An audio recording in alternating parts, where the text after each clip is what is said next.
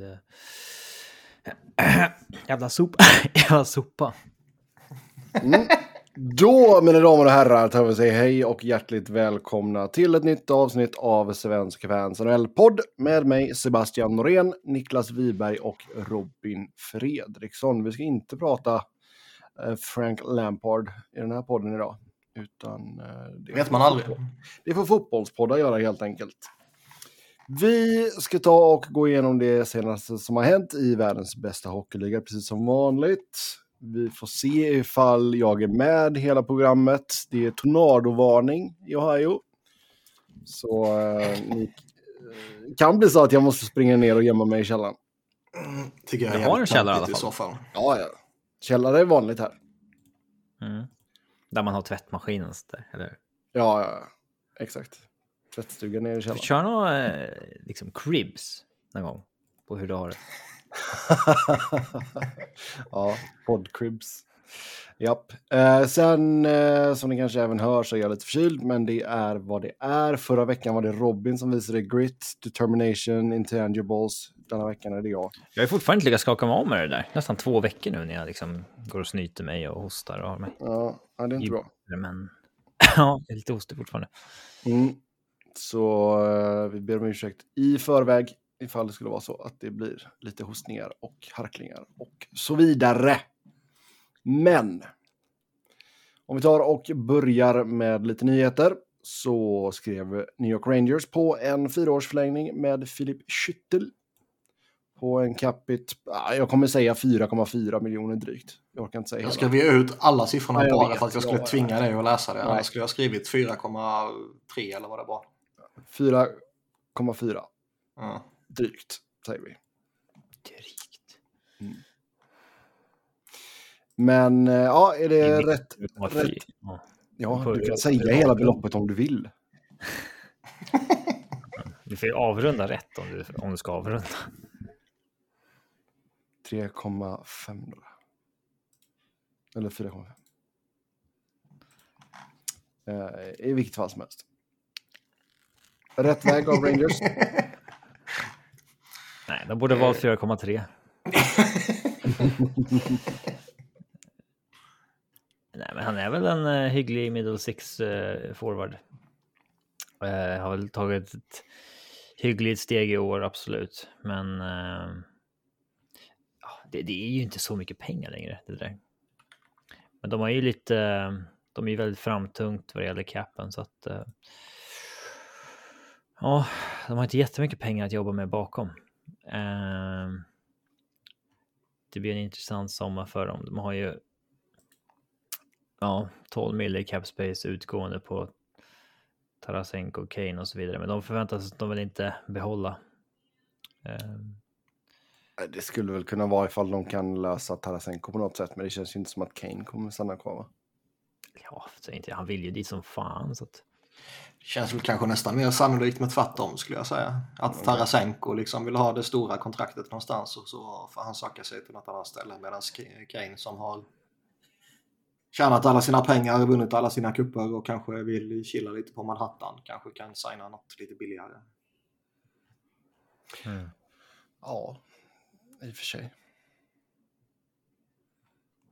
Men jag tycker Schüttel har, har tagit bra steg. Nu är han ju lite äldre än eh, sina andra ungdomskollegor något år och eh, kanske ligger lite lite tidigare eller lite senare på sin kurva så att säga. Men, men eh, hittills har de ju fått ut mer av honom än Lafreniere och Kakko är det väl inte orimligt att hävda. Nej, jag menar det, det är en sån kedja som de har velat hålla fast vid ett bra tag här nu. Liksom, de får växa ihop, så att säga. Ehm, Ja, och det känns väl som en fullgod, alltså de är ju deras tredje kedja just nu. Liksom. Det, det känns väl som en fullgod tredje kedja. ja, oh ja. Sen väntar vi väl fortfarande på att i alla fall Lafreniere ska explodera ordentligt. Han behöver ju visa varför han var så hypad, ja. Annars är det ju, nu är det ju liksom ett antal säsonger han har lirat och han har inte lyft på allvar och han är ju inte bast på det sättet eftersom man ändå har en, en klart användbar NHL-spelare i honom liksom. Mm. men det är ju fan ingen star power över honom. Det var väl lite make or break i år liksom. Att år tre ska man ju åtminstone ta ett steg. Mm. Jack Hughes var lite trögstartad och sådär också, men Mm. sen så kommer explosionen.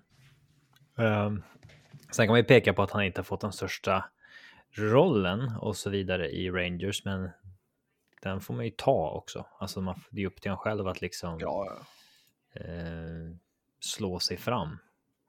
Mm, lite så. Jo, det är det verkligen. Men alltså det kan ju vara, det är inte en blessing in disguise, men alltså han blir ju RFA nu efter denna säsongen.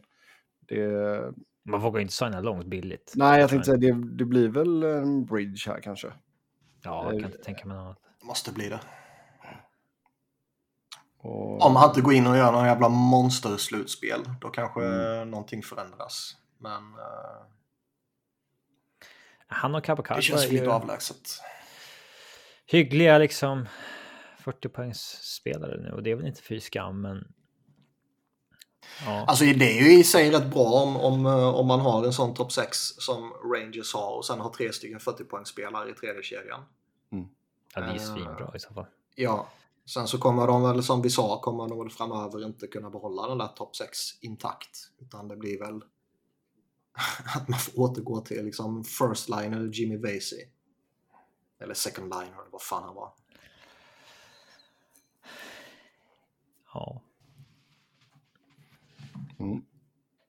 Yes, vi eh, får se om vi pratar mer Rangers lite senare i programmet. Eh, sen till Philadelphia. Dave Scott avgår, eller avgår, han ska gå i pension. Ja, Och, han, av, han eh, avgår. Dan Hilferty ska ersätta honom. Och då är det då som chairman för Comcast.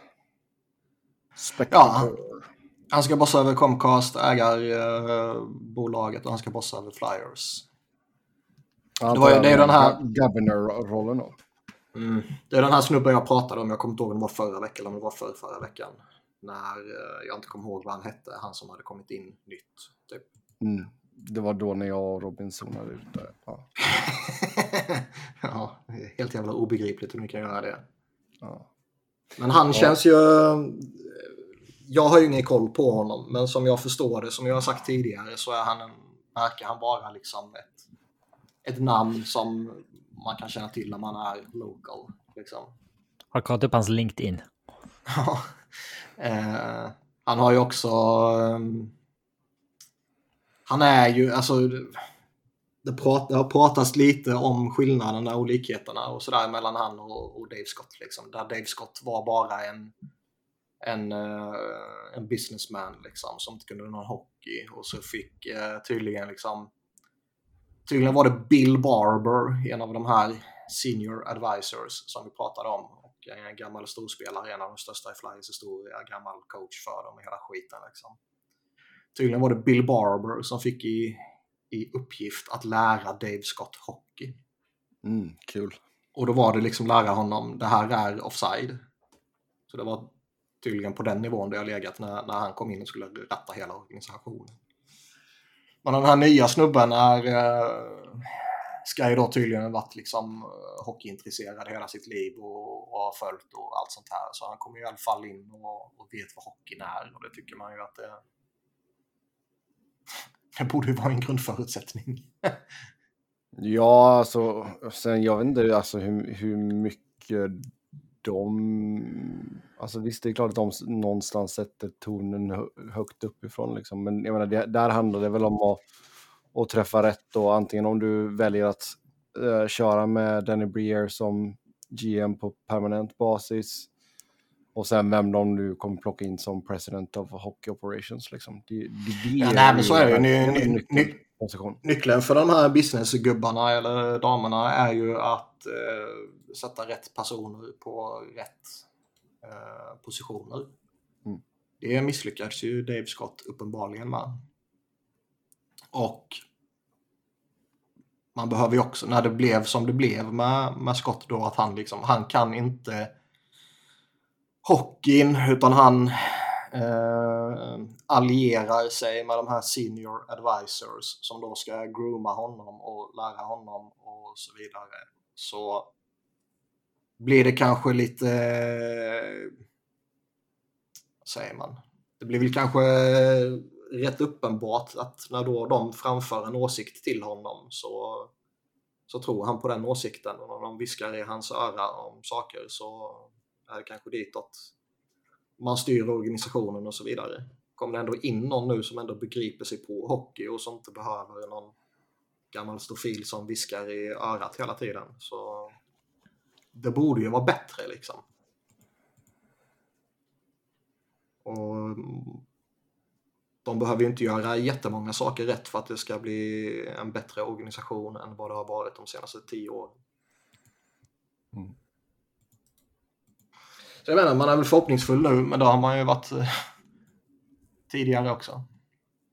Jo, men alltså det, det citat jag läste från honom där, det är så att han, han verkar ju, i alla fall, det är vad han säger i alla fall, att det kommer vara liksom en, en process som kommer få ta den tiden den tar. Liksom. Ja, nej, nu verkar man ju på, på alla sätt och vis begripa sig på att man behöver ta en, eh, ett riktigt omtag. Mm. Både hockeymässigt och organisationsmässigt.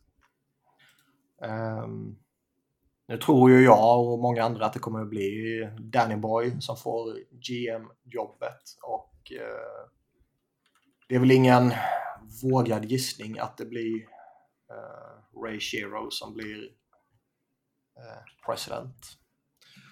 Och det kanske han skulle vara bra på uh, i många organisationer, men han är ju liksom sonen till Mr Flyers. Och uh, det känns också som att det skulle kunna leda till liknande problem som det har varit tidigare med de här senior advisors, eventuellt. Mm. Så där är man väl lite skeptisk, men, men uh, fan. Det, vi får se. Den här organisationen har tidigare gjort allt de kan för att liksom, pressa bort supportrarna och man har ju aldrig varit så ointresserad av det här skitlaget som har varit denna säsongen liksom, av tusen olika anledningar både på och utanför isen. Men uh, nu börjar de ju lura in en igen. Så jag, jag är redo att bli sårad igen.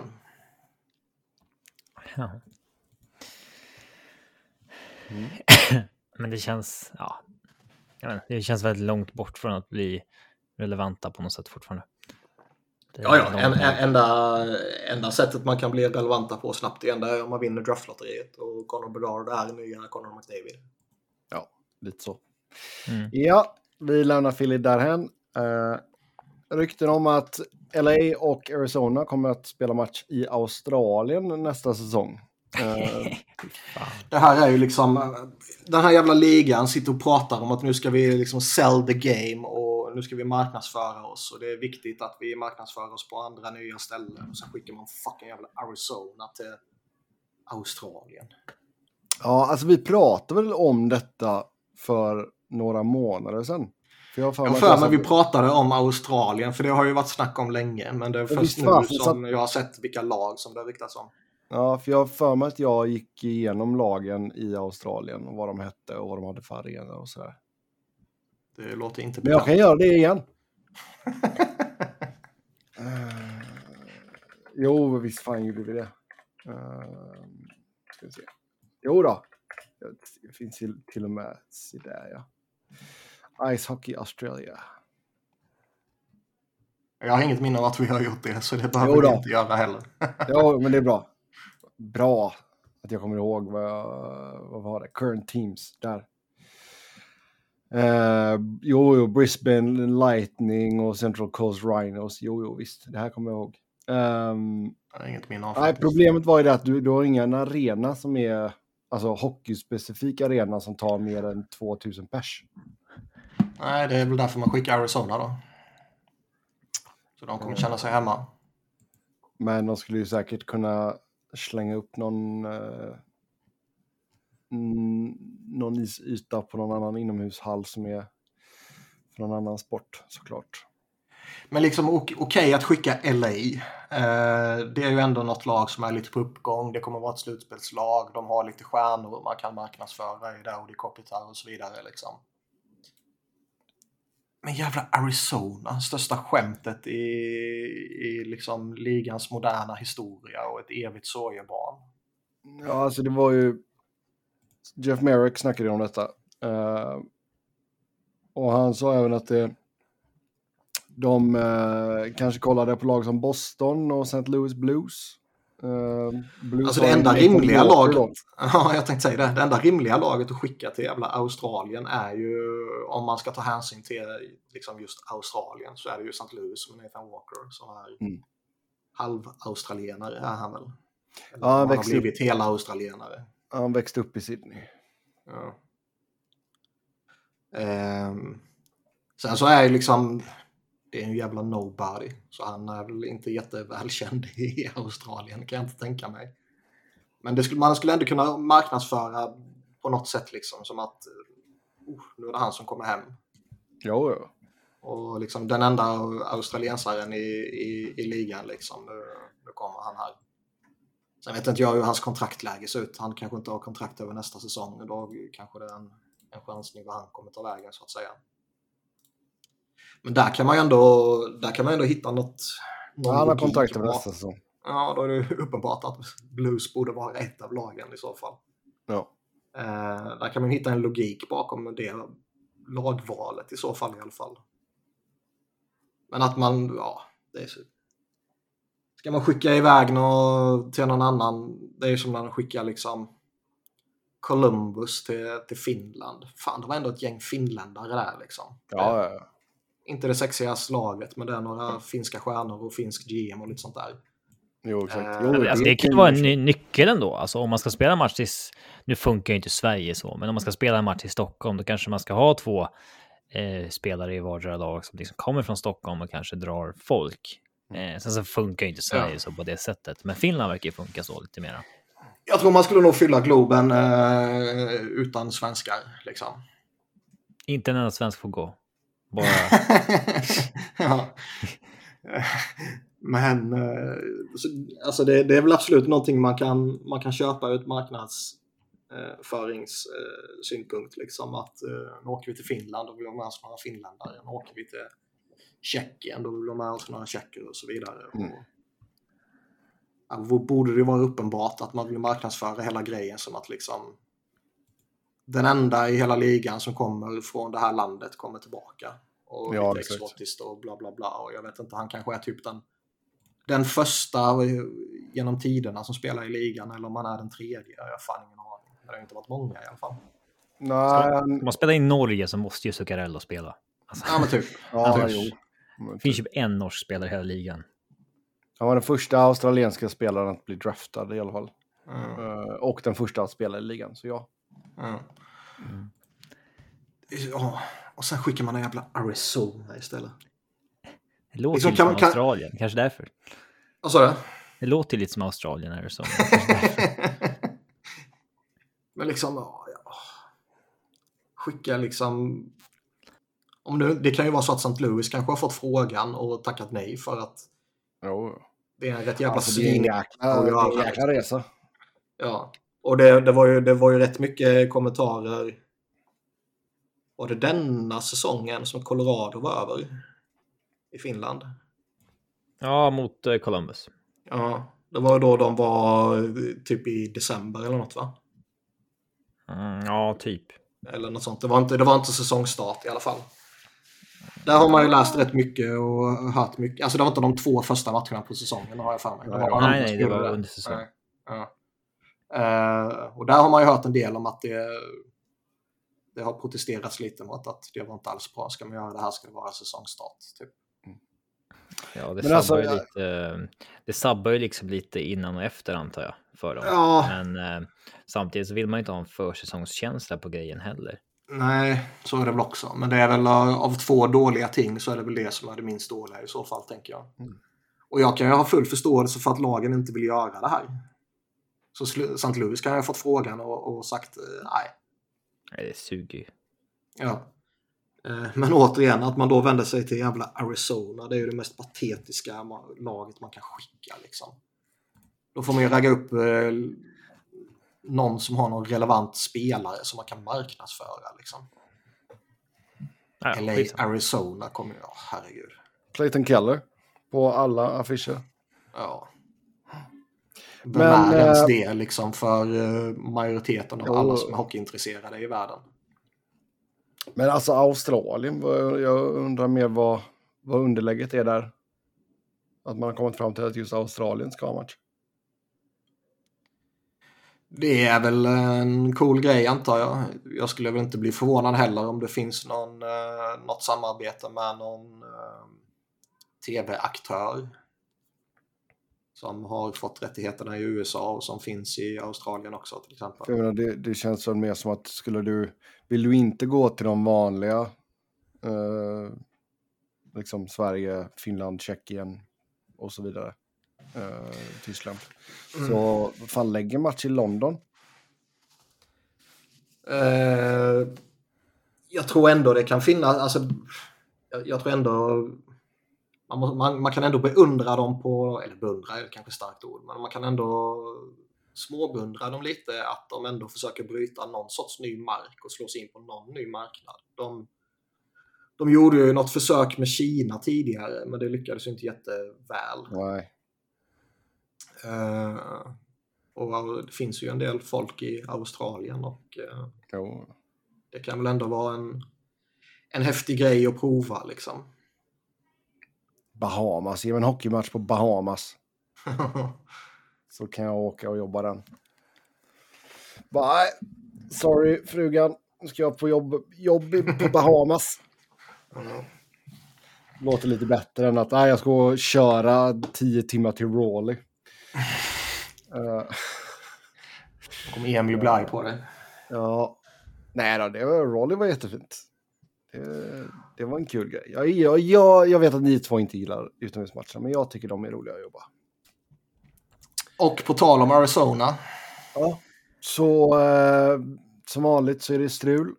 Ehm, och eh, man har ju haft den här nya arenan eh, som man har planerat då ute i Tempe. Och eh, då ska man lägga den på gammalt landfill, alltså där man bara slänger skräp typ. Eh, så då hänger man istället för bara Det är fan skräp- ändå rimligt att Arizona spelar på en jävla sophög. Ja, så, ehm, så det är ju som, vad ska man säga? Det är som en soptipp fast det liksom är en stor grop typ. Det är vad en landfill är. Ehm, men då så, eh, så ska man ha haft något slags muntligt avtal med eh, Phoenix stad. Alltså Tempe är ju en, en egen kommun så att säga. Men då ska man ha eh, ett av, muntligt avtal med staden Phoenix och med eh, vad heter det, flygplatsen Sky Harbor. Och nu då så fick vi besked om att eh, Coyotes och deras developmentfirma Bluebird Development eh, stämmer staden Phoenix på 2,3 miljarder dollar. Vi måste också citera att de har have had enough of Phoenix bullying bureaucrats. Ja. ja, ehm, Och Frank Saravelli uttryckte det allra bäst av alla på hela Twitter. Is this real? Reads like a Trump press release. ja. Fick han lite Trump-supportrar på sig också? Åh fan. Otippat. Eh, men det är nämligen så att eh, Sky Harbor, flygplatsen, eh, de filed a complaint den 27 mars mot Tempe stad. Och eh, säger att den planen då som man har lagt fram här med eh, Tempe Entertainment District fick, eh, skulle egentligen ha flerfamiljshus. Eh, med i planerna, men det vill man nu inte att de ska ha. På grund av eh, flyg... Eh, vad heter det? Flight path. Flygrutt. Eh, och att det kan skapa oljud och grejer. Eh, och detta ska då vara i... Eh, ja, totala motsatsen till vad man har pratat om tidigare då tillsammans. Så... Eh, ja. Vi får väl se vad fan som händer med det här, men det, det är ju inte bra, för de vill väl komma igång och bygga den här skiten så fort som möjligt egentligen. Ja, alltså det här är bara ytterligare ett bevis på att den här jävla skitstan inte ska ha ett hockeylag. Nej, de börjar... De har bränt sina chanser lite snart liksom. Fan. Det är Ja, ju liksom sen en jättestor inte- stad och det, det borde ju Alltså, gå det- att ha ett hockeylag där. Det, Ja, ja, absolut. Men, menar, och det, detta är ju inte riktigt på dem, men det blir ju tragikomiskt när det är liksom återigen alltid är någonting. ja. Det... Nej, den är väldigt, väldigt konstig den här situationen. Men eh, ja, så nu ska detta gå igenom eh, domstolar och skit där borta. Så eh, får vi se där vad det vad... Skit. Ja, men det kommer ju överklagas. Så det kommer ju det kommer ta ett tag detta helt enkelt.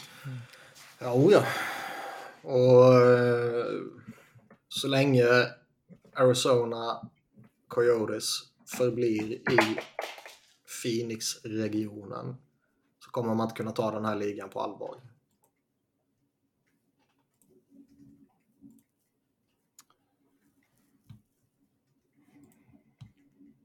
Tystnaden är talande. Ja, jag håller på och läser igenom hela deras press statement här. Men ehm, Ja, gör det. Ja, gör det. ja. Så går vi vidare. Nej, men alltså, det, jag, jag, jag, jag ser ändå så att det, det är ett okej, liksom. Jag tycker ändå så att de la fram ett bra förslag, alltså med liksom använda den här platsen och allting. Eh, och det skapar nya jobb och allt sånt där, bla bla bla. Men eh, Du har inte en jävla aning. lite koll har man. Om de har ett bra case eller inte. Det är superkomplicerat. Nej då, stadsplanering, det är min... Eh, här i SimCity. Ja, exakt. exakt. Japp. Men ja, så är det med det i alla fall.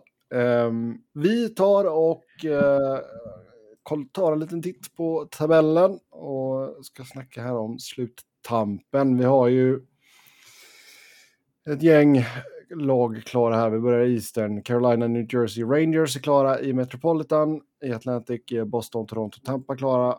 Sen har vi Florida på första wildcard-platsen, 87 poäng. Islanders på den andra, 87 poäng. Pittsburgh precis utanför, 86 poäng. Sen Buffalo, 81 poäng. De har två matcher färre spelade än de tre lagen över sig. Så det är därför jag har med Buffalo. Ja. Känns det som att de håller på och grejer helt plötsligt, Florida? Ja, Ja, Fyra raka. det ska de nog tacka en viss Fatchak för. Ja, han är bra. Mm. men... Det är ju han, alltså han bär dem ju fullkomligt. Men eh, ja, inget slutspel vilka på Washington. med? Alltså, ja, Washington, ja. Det har man väl räknat bort ganska länge, va? Ja, fast nu är det matematiskt. Ja, Ja, nej, det- alltså det, det man kanske kun, kunnat tro tidigare det var ju typ om Buffalo eller Ottawa som ändå har lite potential i sig skulle kunna gå på någon formtopp här mot slutet och käka upp eh, avståndet. Det kanske Buffalo fortfarande kan göra. Men jag vet inte, man har inte riktigt de vibbarna ju. Utan det känns ju som att det är, det är Pittsburgh som kan slå sig in där. Annars är det nog kört för Buffalo Ottawa. Alltså de hade ju behövt vinna den matchen de hade i, var det igår eh, mot Florida. Mm. Hade de vunnit den så hade det ju varit på riktigt liksom. Nu, nu känns det väl som att det är... Du kommer hamna där precis utanför. Vilket Mm. fortfarande är ett väldigt bra steg för dem att ta. Så är det ju, men liksom som jag sagt tidigare, återigen, menar, när- ett nytt när- år utan slutspel. Jo, jo, men jag menar när spelade Buffalo riktigt me meningsfulla matcher i omgång 75-76 liksom? Nej, det kommer jag inte ihåg om de har varit nära för eh, tre år sedan eller sju år sedan. Ja. Men eh, det är liksom, visst, de, de, de gör det bra, de har något på, på, på gång och de kommer väl bli, bli bättre nästa år och de är sevärda. För, Mm. Till och med. Nu Liksom. var ju han, eh, fan är han heter? Levi. D- Danton Levi heter han va? Mm, mm. Har ju kommit in nu också och fått stå på matcher. Danton. Devon. Jag tror det är Danton. Låt mig dubbelkolla. Nej, det är det inte. Ja, Danton är det inte. Sa du det? Devon. Ja. Ja, det. Som Devon Taves. Devon. Devon Levi. Ja, det är bara att be om ursäkt så glömmer vi det. Ja. Danton, Devon. Glömmer. En sån här blunder kan vi inte glömma. Tomato, tomato. Men, nej, men det är, det, är, det är Pittsburgh som jag tror kan slås in där i så fall. Liksom. Och, eh, klart roligast är om Islanders trillar ur såklart. Det är för liksom för alla som... Vilka är det störst skandal de missar? Pittsburgh, Florida eller Islanders? Florida. Florida är ju det i relation till vilka extrema höjder man hade förra året. Men liksom. Mm. alla, möjligtvis utom de själva, förväntade sig att de skulle, skulle rasa. Sen kanske man inte förväntade sig att de skulle rasa hela vägen ut utanför slutspel. Eh, Men att de skulle gå från 120-ish poäng till 100 poäng. Det, det kändes ju självklart på något sätt. Jo ja. Men Mm. eh, nej, Florida skulle väl nästan vara största besvikelsen i så fall. Så du har Ja, hellre, Pit- i- du, har, i du ser alltså hellre Pittsburgh än Islanders i slutspelet? Ja, Då har vi det bekräftat. Niklas Wiberg älskar Pittsburgh Penguins. Ja, jag har fortfarande en Pittsburgh-tröja på väggen. På väggen också. Ja, det är klart. Inte bara ha den, utan på väggen. Har man eh, Jaromir Jagrs signatur så har man den framme. Men, Men eh, ja, nej, men det är klart, alltså Pittsburgh kan ändå, eh, Crosby, Malkin och gänget, de kan ändå vara roliga att titta på i ett slutspel. Ja, det det, kommer ju Islanders aldrig vara. Nej, nej, och sen det som vi har sagt eh, på ett tag här nu också. Vi ska passa på att njuta av Crosby medan vi kan. ja lite visst. det, det vore fan lite skandal för dem om de... De är ändå byggt för att vara bra, alltså för att ge det här en sista push. Att då missa slutspelet helt, det vore verkligen tufft alltså. Mm. Kan ju titta här lite. De köpte ju dessutom. Vi har ju, Ja. vi har ju Islanders, har ju Tampa, Philly, Washington och Montreal. Penguins har Minnesota, Minnesota, Detroit, Chicago, Columbus. Så det får väl ändå ses som ett ganska... eh, Pittsburgh sa du? Ja, Mm. det får väl ses som ganska enkelt schema ändå. Sen Ottawa, Washington, Toronto Carolina på Florida. Lite tuffare. Lite tuffare. Men det känns väl ändå som att det är eh, hyfsat vidöppet mellan de tre om man bara tittar på eh, kvarvarande spelschema. Jo. Och vad hade vi? Buffalo har... Detroit, Carolina, Rangers, Devils, Ottawa, Columbus. Mm. Men de behöver ju vinna typ... Vad är det? Fem av de sex i alla fall. Ja, Och det kanske inte ens räcker. men det känns ju ändå som att det, det, borde, det borde kunna leva in i slutet. Och det, det vill man ju. Oh ja. Ja, i Western så är Colorado, Dallas, Minnesota klara från Central. Härlig huggsexa. Samma poäng.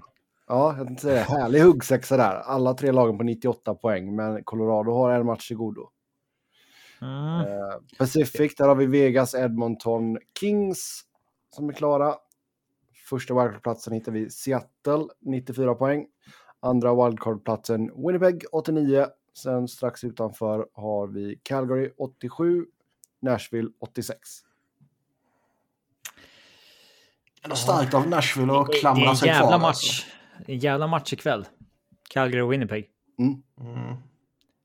Om Winnipeg vinner den och har fyra poäng till godo plus tiebreaken med fyra matcher kvar, då är det nog kört.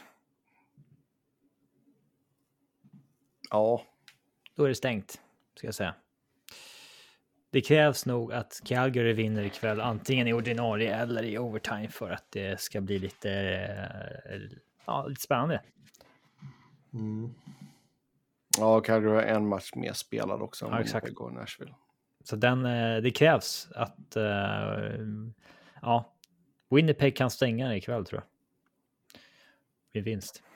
Sen har vi faktiskt Winnipeg mot Nashville också efteråt. Så två nyckelmatcher för Jets här. Ja, jävlar du. Sen chans att se San Jose, Minnesota, Colorado för dem. Calgary har Winnipeg nu då, sen Vancouver, sen har de Nashville. Och sen avslutar de mot San Jose. Mm. Nashville har Carolina, Winnipeg, Calgary, Minnesota, Colorado. Sjukt att Seattle bara har fyra poäng mindre än Avs egentligen. Men Ja. De har, de har ju säkrat det nu. Det är inte matematiskt, men, men uh, Seattle, Seattle? kommer ju, Ja. ja. de kommer ju lösa det.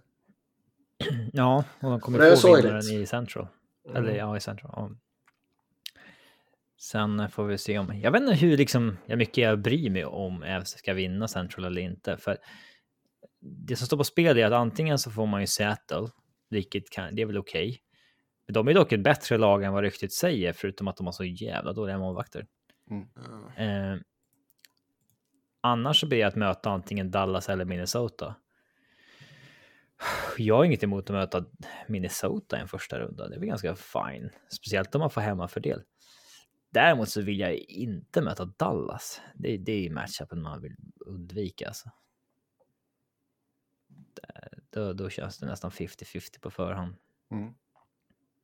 Sen alltså Avs har ju tur att divisionen är eh, svag, men man ska fan komma ihåg vilken säsong de har haft också. Alltså om vi börjar uppifrån så har ju Landeskog missat alla 76 matcher. Darren Helm har missat 64 av 76.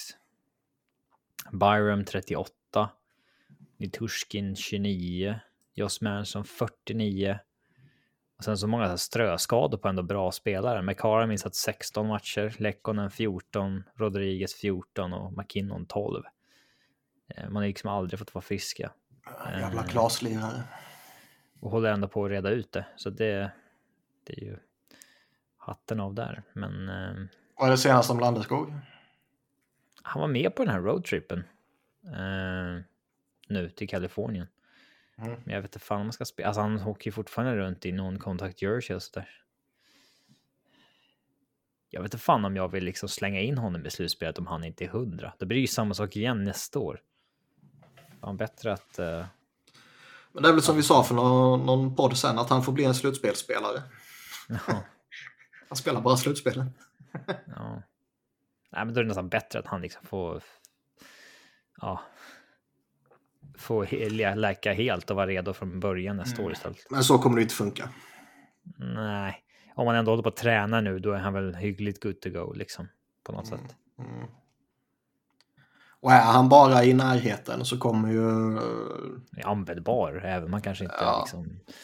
Ja, Då kommer han ju själv kommer ju propsa på att han ska spela och det kommer ju komma liksom eh, tryck på honom utifrån också. Eller alltså ja, inom laget och organisationen liksom. Så det, är han bara i närheten så kommer han ju spela. Sen om han spelar i 40% av sin kapacitet eller 90 eller 100, det återstår väl att se. Mm. Yes, eh, känner vi oss klara där då kanske?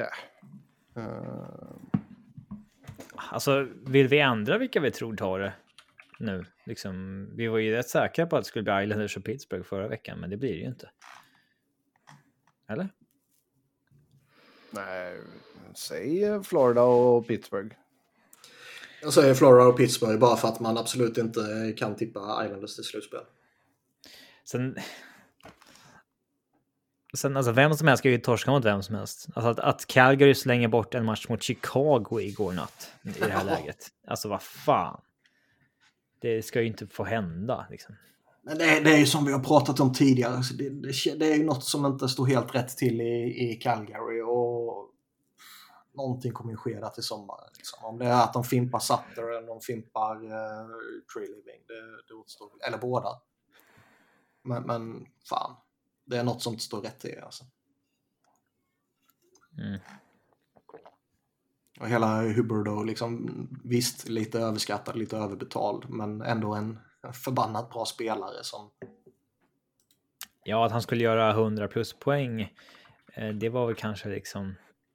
Han gjorde 115 i fjol. Det är kanske lite mycket att förvänta sig, men han ska ju åtminstone ska vara vara. point per game ju. Ja. Ja, exakt. Det har han ju varit. Ja. Ända bak sedan 2018. Mm. Ja, det, nej, det...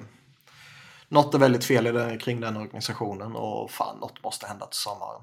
Vad det är är det ju svårt att sätta fingret på, men jag menar missar de slutspel så måste ju någonting hända. Mm. Ja, då är det dags för en liten tävling. Är det? Ni två ska berätta för mig vilka finska spelare genom tiderna som har vunnit Stanley Cup. Ja. Förvånansvärt få, kan jag, kan jag säga. Men så här, det är inte så många finska spelare i NHL och sånt där man kollar. Det är inte... Det är en överskattad nation på många sätt. Eh, Nu kommer Robin ut med sitt finsk hat igen. Ja, men det är ingen jävla bastutävling det här. Liksom. Nej, men de, har, de har 56 spelare i NHL just nu. Exakt hälften av vad vi har, 112. Mm. Det, det, så, det är ofta så. Men det känns ju som att Sverige och Finland typ har lika många spelare. Men det är ju inte så. Mm. I vilket fall som helst. Finländare som har vunnit Stanley Cup. Eh, på det, e- nu går vi enligt EP. Då har jag 13 skridskoåkare och tre målvakter. 13! 13 bara. 13? Ja. Eh, varav Fem fem... målvakter sa du? Tre. Ja. Eh, varav fyra skridskoåkare är aktiva och en målvakt är aktiv. Och en målvakt är en kurvboll, kan jag fastslå också. Så här var tredje målvakt när de vann typ. Eller vad? Ja, något sånt säkert. Ja. Killen har gjort eh, 16 NHL-matcher. Ja. Ja. Ibland är det lite lurigt vem som räknas som Stanley Cup Ja, och inte. Kanske borde tydliggöras det där lite hårdare. ja kanske. Alltså det är ju, nu kommer jag inte ihåg exakt vad det är, men det är ju specifierat vad som gäller och sen kan lagen, tror jag, lägga till namn om de får feeling, typ liksom. Ehm, nu kommer jag inte ihåg exakt vad, vad som är specifierat, men det är ju typ liksom hälften av matcherna i grundserien, en finalmatch, så är man liksom garanterad. Tror jag. Något sånt i alla fall. Ja, okej. Ja, men alltså den här målvakten satt kanske på bänken liksom. Sen kan det väl också vara så att i, i, det är ju NHLs officiella. Det, ja, det kanske kan på typ EP och HockeyDB och sånt här så kanske det räcker om man är uppsatt på rosten bara. Ja. ja, exakt. Ja. I vilket fall som helst. Niklas börjar för han är äldst. Kimmo fucking jävla Timonen. Ja, Räknas han? han räknar. För fan han räknas. Ja. Jag ska bara googla upp en lista här.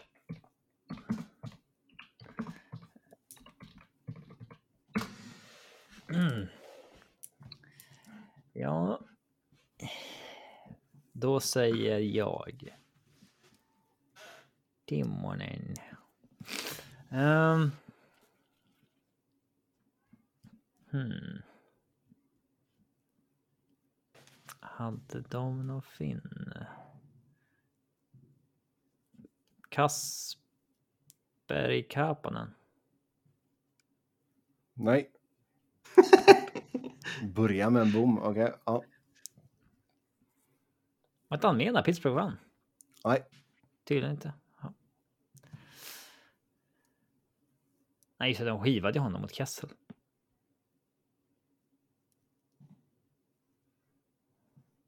Äh, då säger jag Lekkonen. Ja, Så vi har Rantanen. då har du, då har du Frölunda tiebreaker där också. Ja. Rantanen Niklas, det har du helt rätt i. Mm. Då har ni tagit två av de aktiva. Hur många sa du det var? Fyra utespelare och en målvakt. Fyra. Ja. Ehm.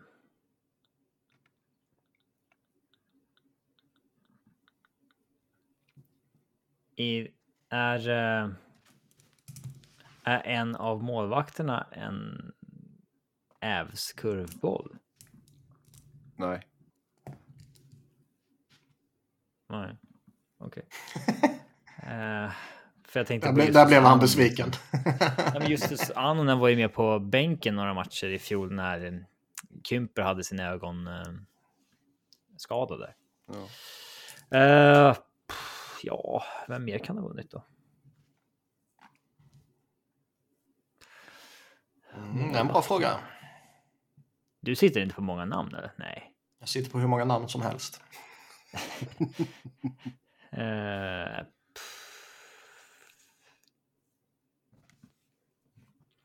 Eh, ja, Jari Kurri har ju vunnit. Ja, Det var ett namn jag satt på. Ett annat namn jag sitter på är Sellerna. mm, Ja, det är klart han har gjort. det stämmer bra. Hade de några andra finnar där, ankorna, när de vann? Eh, mm. Nej, det hade de inte. Va? Inte så att man vågar gissa på det i alla fall. Man tänker på legender som Tony Lydman och sånt där. Ehm.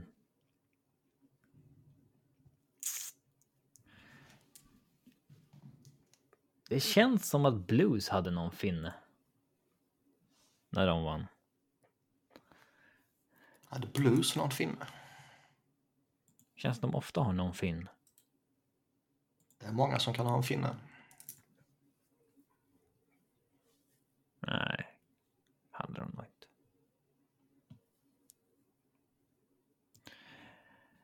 Ja. Om jag säger Ville Nieminen. Då har du rätt. Han som vann med Ävs 01. Och sen så var han usel coach i Modo. Jag tror du skulle säga Ville Leino. Känns som ytterligare en sån här äh, som Foppa tvingade in i Modo eller öppna dörren för så gick det bort. Alltså, ja.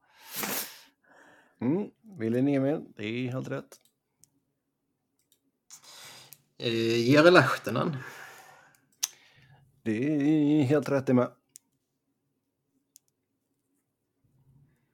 Ja, det visste jag. Ja, den var jobbig. Den borde jag. Lehtinen. Okej. Tre målvakter säger du, men varav Mm. två är på riktigt bara. Ja,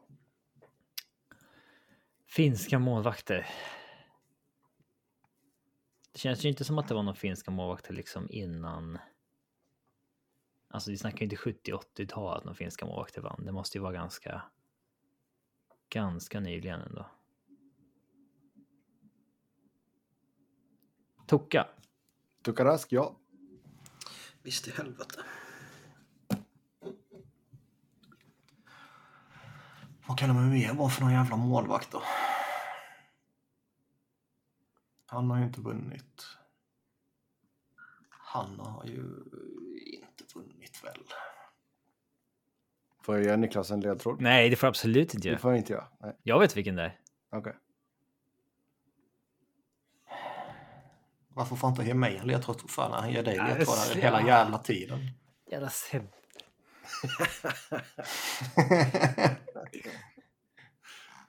Men äh, vänta lite, jag vill fundera lite först.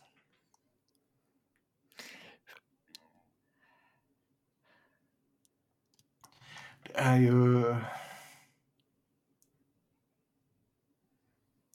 Jag sitter- Man vill ju mjölka fram någonting här nu. Hade de någon... Har du snöat in dig på målvakten? Har du någon utespelare redo att launcha eller? Ja.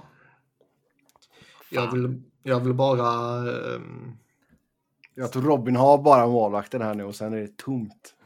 Mm. Eh, Vad fan kan det vara? Vi har nästan tagit alla utespelare. Han har inte vunnit ju. Och han har inte vunnit. Vad finns det mer för finska målvakter? Hur många målvakter? Vi, har sagt Rask. Det var fyra sa du? Tre. Tre. Och den ena var en sån här sjuk kurvboll. Ja, Och den, den, den, den tredje är... den kommer inte, alltså den kommer inte ta. Ta Nej, någon men- den så vinner ni automatiskt. Men eh, den här andra snubben är liksom en... eh, Han, han vet man vem det är. Den andra snubben gjorde över 400 matcher i NHL. Nu vet han ju att det inte är någon... Slu- Du får inte ge det tror jag. Sebbe. Nej, okej. Du har ju fått helt sjuka ledtrådar varenda vecka. Nej. Men jag kommer ju inte komma på det nu i alla fall. Vad fan kan det vara? Finska Säg målvakter, det har ju varit... Ja, okej, ja, Mäte. Ja, Olli Mäte. Det är kul att du inte kommer på Antiniemi. Ja, Det- helt rätt. Antiniemi. Som vinner den legendariska målvaktsmatchen mot Michael Layton. Ja. I, i I'm the aware. year of the bad goalies. När det blir populärt att ha dålig målvakt efter det. Mm. Ja. Ehm, Och vi är tillbaka hos Niklas. Han kanske kan ha vunnit. Han med något av de åren.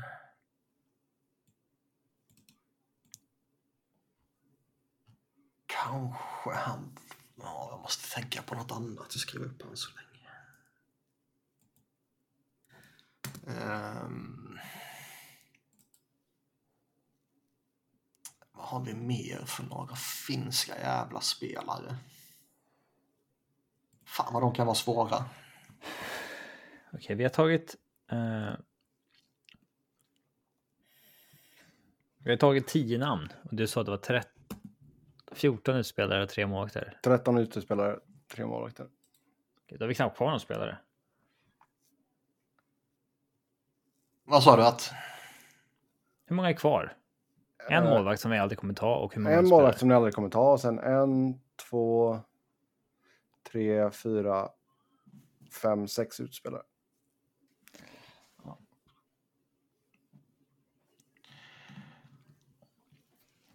Var han... Eller vänta, fem, fem utspelare. Var han Ja, med? Jo, det kan han nog ha varit. Säg nu. Taravainen. Ja! Ja, han var med. Timonen året.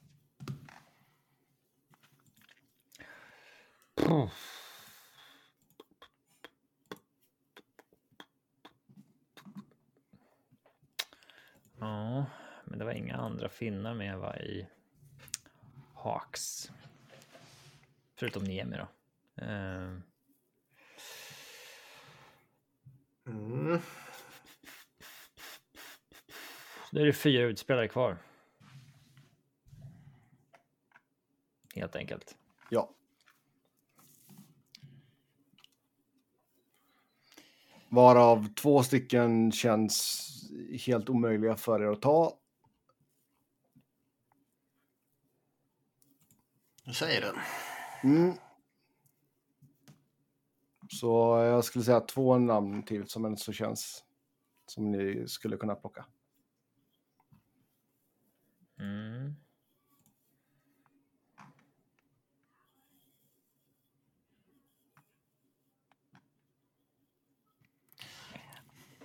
Ja. Jäkligt svårt att... Uh... Försöka tänka de här liksom dynastierna. Eh, Fan.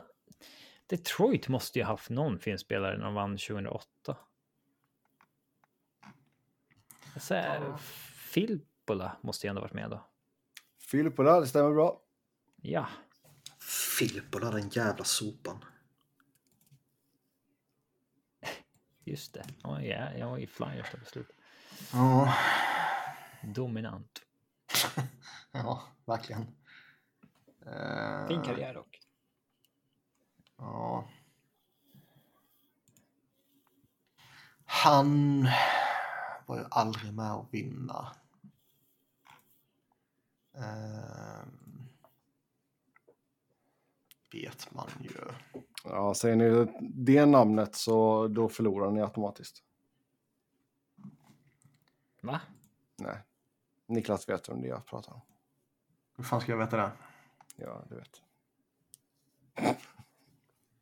Har du något sånt namn som vi inte får säga menar du? Vadå? Som du hatar? Nej, jag skojar bara. Ehm, kan han ha vunnit någon gång? Han gjorde ju många matcher, men det var ju inte i stora lag, väl?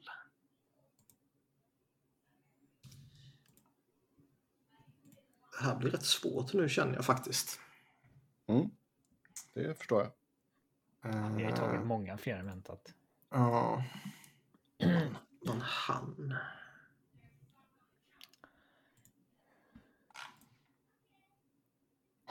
Kan han ha vunnit? Nej. Han var inte sånt. Jag är verkligen out alltså. Jag kan inte någon mer här. Ja, Jag har ju vagt fram några namn till. Men Alltså liksom- Niklas skulle jag ändå så kunna se verka fram detta namnet.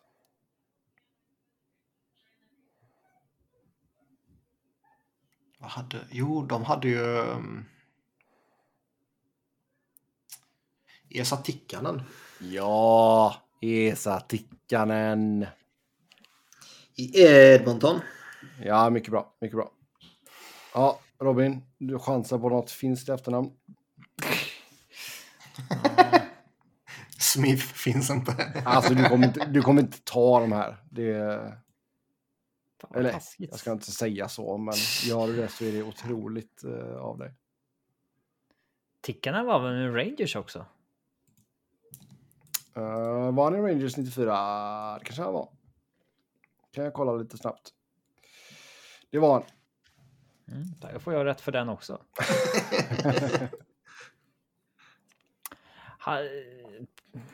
jag funderar på... Det är fan för tidigt för att det skulle finnas massa... Jag tänker liksom Islanders-dynastin, hade de någon fin spelare? Det var ju massa svenskar där liksom. Jag, kom, jag kan ge dig ledtråden nu, för du kommer fortfarande inte ta de här spelarna. Eh, en av utespelarna spelade mellan 1981 och 1990. Den andra mellan 83 och 88. Ja, nej, jag vet inte. Målvakten, som sagt, han, gjorde han har gjort 16 matcher i NHL. Vilket år var han tredje keeper? Just nu, nej, det kan jag inte säga. Ja, då blir det för Eh, lätt. Just nu, så, just nu så är han i AHL. Ah. Ha. Eh, ja, men ja, jag vet inte. Jag har inget namn. Nej. Då säger vi att ni missade Reijo Jag har Rutsalainen. de, de jag har skrivit upp, Ja, som jag absolut inte är säker på någon av dem, är ju Numminen. Jag Nej. tror han bara spelade i skitlag. Janne Niinima. Kanske Nej. att han kan ha gjort ett slutspel någonstans var jag inne på. Och sen chansade jag på Ruto, för där finns det ju tre olika. Ja, men nej. Det var Reijo Rutsalainen Ja, okej. och Raimo Summanen. Ja, ja. Han Och sen målvakten är Christopher Gibson. Christopher Gibson. Ja. Christopher Gibson från Karkila. Säker på att det ska uttalas Christopher Gibson. Chris Gibson. Christopher Gibson. Det var min vill, riktigt dåliga finländska brytning Det där. är nära att Kiprosov vann med Calgary. Mm. Ja, det var han jag satt och funderade på länge som den där jävla målvakten som sen blev eh, Niemi. Så, men ni gjorde bra ifrån er. Men han var väl bara i Toronto också? Vem? Kiprusov. Han var i Toronto Calgary. och Calgary. Ja, ja, men jag menar liksom att han Ja, inte vann med ja, Calgary var- vet jag ju. Och, och i Toronto vet man ju också. Men han var ingen Ja, annan. jag tror inte han var någon annanstans, i eh, San Jose. Men de vann ju aldrig. Så att... Nej. Mm. Ja. Nej, men nu gjorde ni bra. Hade någon av er sagt Raimo Summanen då hade jag... Ja, hade nog... Men han var väl en sån här klassisk liksom, hockey-VM-spelare? Eller? Raimo? Jag tänker på Helminen kanske. Raimo Helminen. Ja. Ja, alltså, Raimo gjorde ju eh, en hel del VM. eh, ja, men det är för tidigt för mig. Min- Ja, det är det ju. Inte TV3 hockey-VM-generationen liksom. Nej. Ja, men, Yes. Det, hade, det hade sin charm. Mm. ja. Helminen tänker jag på. Nu tar vi dem, nu tar vi dem. Okej. Yes, bra. Eh, fint gjort av er i alla fall. Grattis Niklas. Eh, vi glider in på lite lyssnarfrågor. Som vanligt, stort tack till er som har skrivit in. Först ut, vilken general manager borde få sparken härnäst? Personligen tycker jag att Doug Armstrong har satt St. Louis i en riktigt dålig sits för framtiden. Jag tror nog ändå han sitter ganska tryggt i... Jag, trycker, ja, jag tror fortfarande han sitter tryggt efter cupvinsten. Ja. Skulle, de, han... skulle de falla fullkomligt så kanske han... Eh, eh, han kanske inte får sparken för det känns som att han har byggt upp lite för mycket där. Han kanske liksom lämnar självmant på något sätt. Och, men han, egentligen blir han knuffad. Men- Sparkas uppåt. Ja, eller sparkas ut eh, om han fortfarande vill vara GM någonstans. Jag vet inte om han är jättegammal. Doug Han är Armstrong. 58. Det är rätt ungt för att vara GM. Ja, eh, tonåring i... Så jag menar, skulle han, skulle han lämna Blues eh, nu eller om två år så kan han ju fortfarande vilja vara GM någon annanstans. Ehm, Alltså, där får jag ändå säga, han kom ju in jävligt tidigt ändå. Alltså i front office-svängen. Um, sidospår här. Men alltså han kom in som assistant general manager för Minnesota North Stars när han var 27 bast. mm. Och han har väl varit GM på har man- Blues nu jättelänge. Då har man legat med rätt person. Han eh, tog över där 2010, så ja. Det kallas ju Ass GM av en anledning.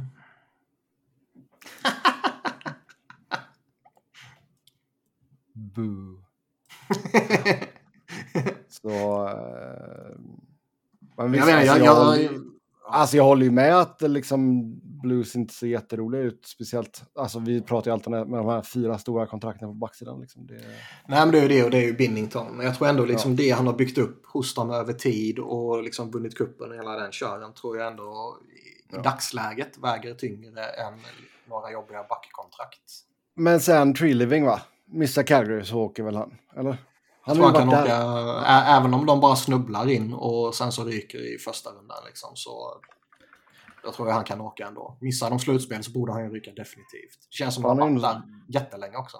Han har ju det. Han har varit uh, smyglänge liksom. Två- 2014 tog han över. Ja, och det känns som att de har byggt om typ fem gånger också och alla ombyggnaderna har misslyckats under honom. Eh, jag tror Kekkelainen sitter nog fortfarande lugnt. Han kan skylla på alla skador och grejer som de hade den här säsongen.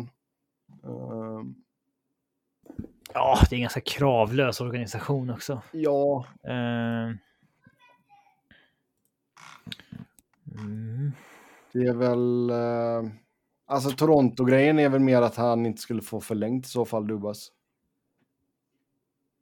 Ja, alltså ryker de i första rundan igen oavsett om det är mot Tampa igen så att säga så... eh, Måste de göra någonting typ. Ja, det är väl ja. det. Ehm, Men det känns, alltså typ Brian McLellan känns väl fortfarande lugn i Washington även fast de... jag, missar jag nu. tänkte säga honom, där kan man också vifta på lite skadeläge och sådär. Och... eh, Ja, han kanske har känt Skulle, Win, skulle Winnipeg också. trilla ut? Chevaldayoff, han har inte varit där länge. Ja, kanske. Han verkar ju ha en Dave Poyle-status där, liksom att han får ju... eh, Ja. Spelar liksom ingen roll. Det är hans Ja. lag, typ. Pierre Dorian funderar man ju lite på ju. Det kom ändå in lite Ja. nya förhoppningar på, på Ottawa denna säsongen och de har satsat lite och det har inte eh, funkat liksom. Och nu kanske eh, är man, är man mitt uppe som- i en försäljningsprocess och väntar in nya ägare så kanske man inte tar ett sånt Ja. stort beslut utan då kanske man låter han sitta kvar och sen så får nya ägarna ta beslutet. Liksom. Jo, exakt. Då skulle han ju eventuellt kunna, kunna ryka för att de vill sätta sin gubbe på plats. Ja. Och den här säsongen eh, för, för Ottawa, liksom, jag, jag tycker det är lite svårt att säga om det är ett misslyckande eller om det är ett steg framåt. Nej, det är ett steg framåt i det. Ja, det är ju det. Det är- Samtidigt hade man ju rätt stora förhoppningar att de skulle kunna blandas in i ett slutspelsrace in i slutet och sådär. Och skulle de bara har fått ordning på målvaktsbiten så... Ja. skulle de fått ordning de på målvaktsbiten och de skulle fått in den där backen betydligt mycket tidigare än när de fick in Chychrun. Liksom. Mm. Chychrun skulle de ju fått in eller någon annan i, i liksom oktober, november och sen så lite vettigt målvaktsspel. Då, då, då skulle de ju vara där uppe. Jo, men och sen det känns ju också som att alltså. Mycket av deras, alltså Josh Norris-skadan där liksom, det... Ja, men det finns ju lite man kan skylla på. Jo, jo, visst en i mängden, men det är fortfarande en spelare som fick sitt break förra året och som de hade liksom räknat med att kunna luta sig mot. Liksom. Det...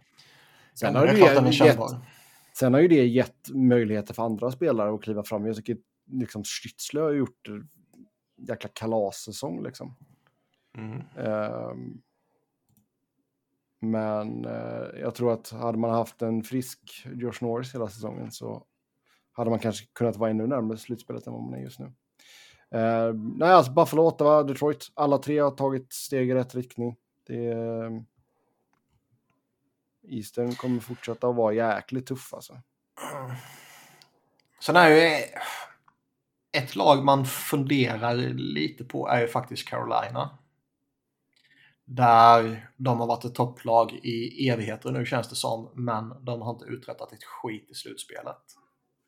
Eh, man undrar ju om Don Waddell sitter liksom supersäkert. För å ena sidan känns det lite så.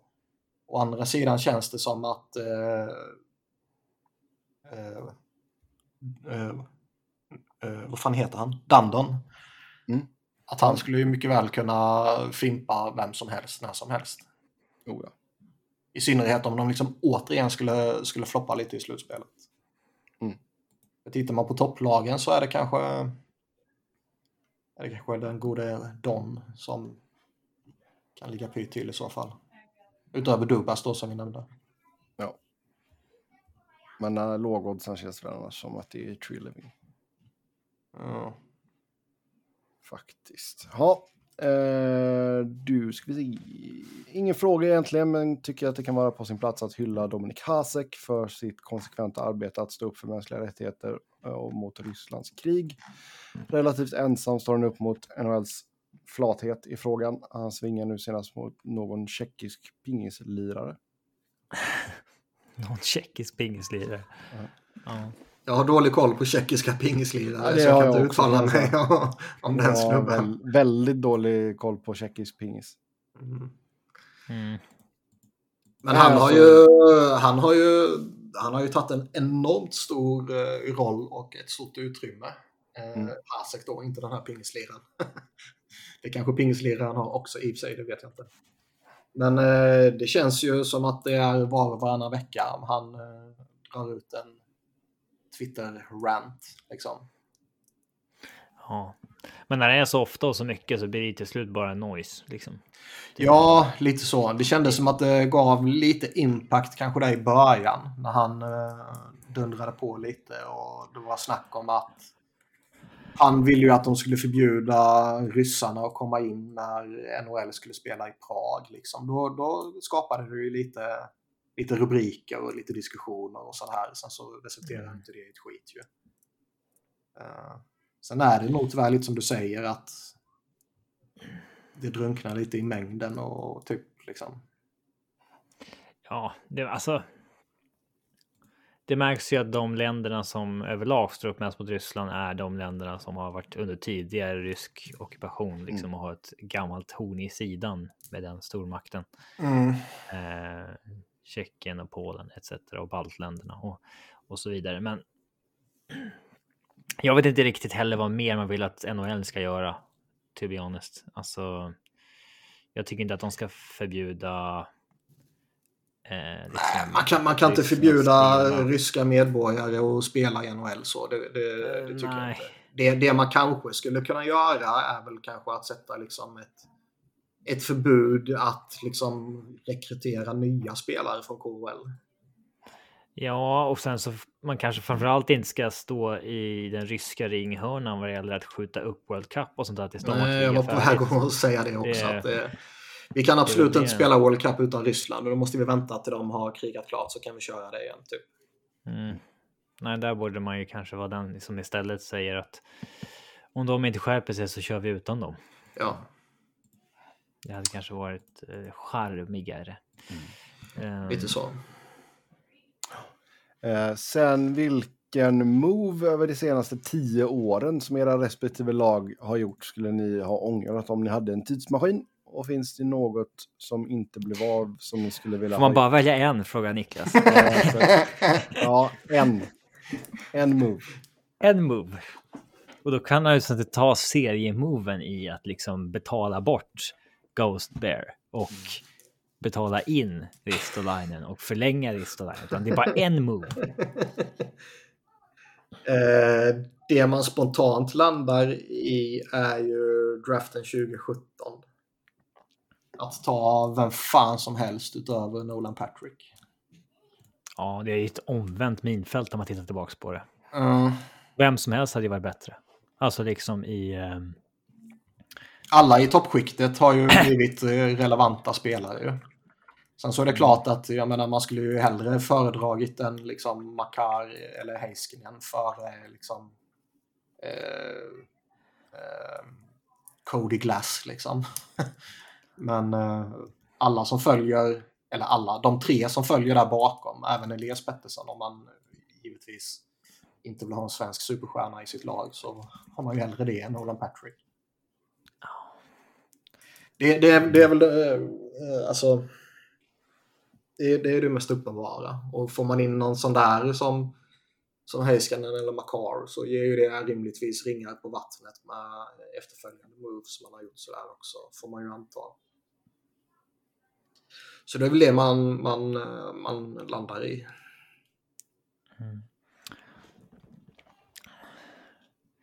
Ja, senaste tio åren också. Det är ju inte så länge tillbaks då. Nej, Mm. liksom eh, ska man gå tillbaka eh, ännu längre så kan man ju gå in på... Alltså, då kan vi snacka Bryskalvs kontrakt, men ja, men det är det gick ju ändå... liksom. Det kunde man ändå Amnesty köpa ut. Ja, det kunde man ta sig ut för. Och det, liksom, jag, jag tycker ju i grunden liksom, tycker jag ju pratas ju mycket om Carter och Richards-traderna sådär, men i grunden så de var ju rätt ju bra vettiga. spelare liksom. Carter, vad, vad fick man liksom Coots och, och Voracek för? Och det är ju bra utbyte. Och Richards liksom Simmons, eh, Chen, och, och nog för att Mike Richards var en, en favorit där och då. Men eh, Det var ju bra sportsligt med fast han, Ja, han rasade han det. rasade rätt fort där liksom. Mm. Och det skulle han ju, med tanke på att det inte var kopplat till något i, alltså sportsligt utan kopplat till hans fysiska status så skulle väl det rimligtvis skett var han än var, tycker man. Mm.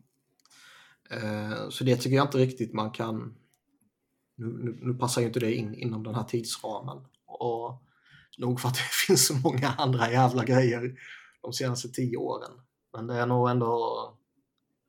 2017-draften är nog den som... Eh, som fuckar upp allra mest liksom.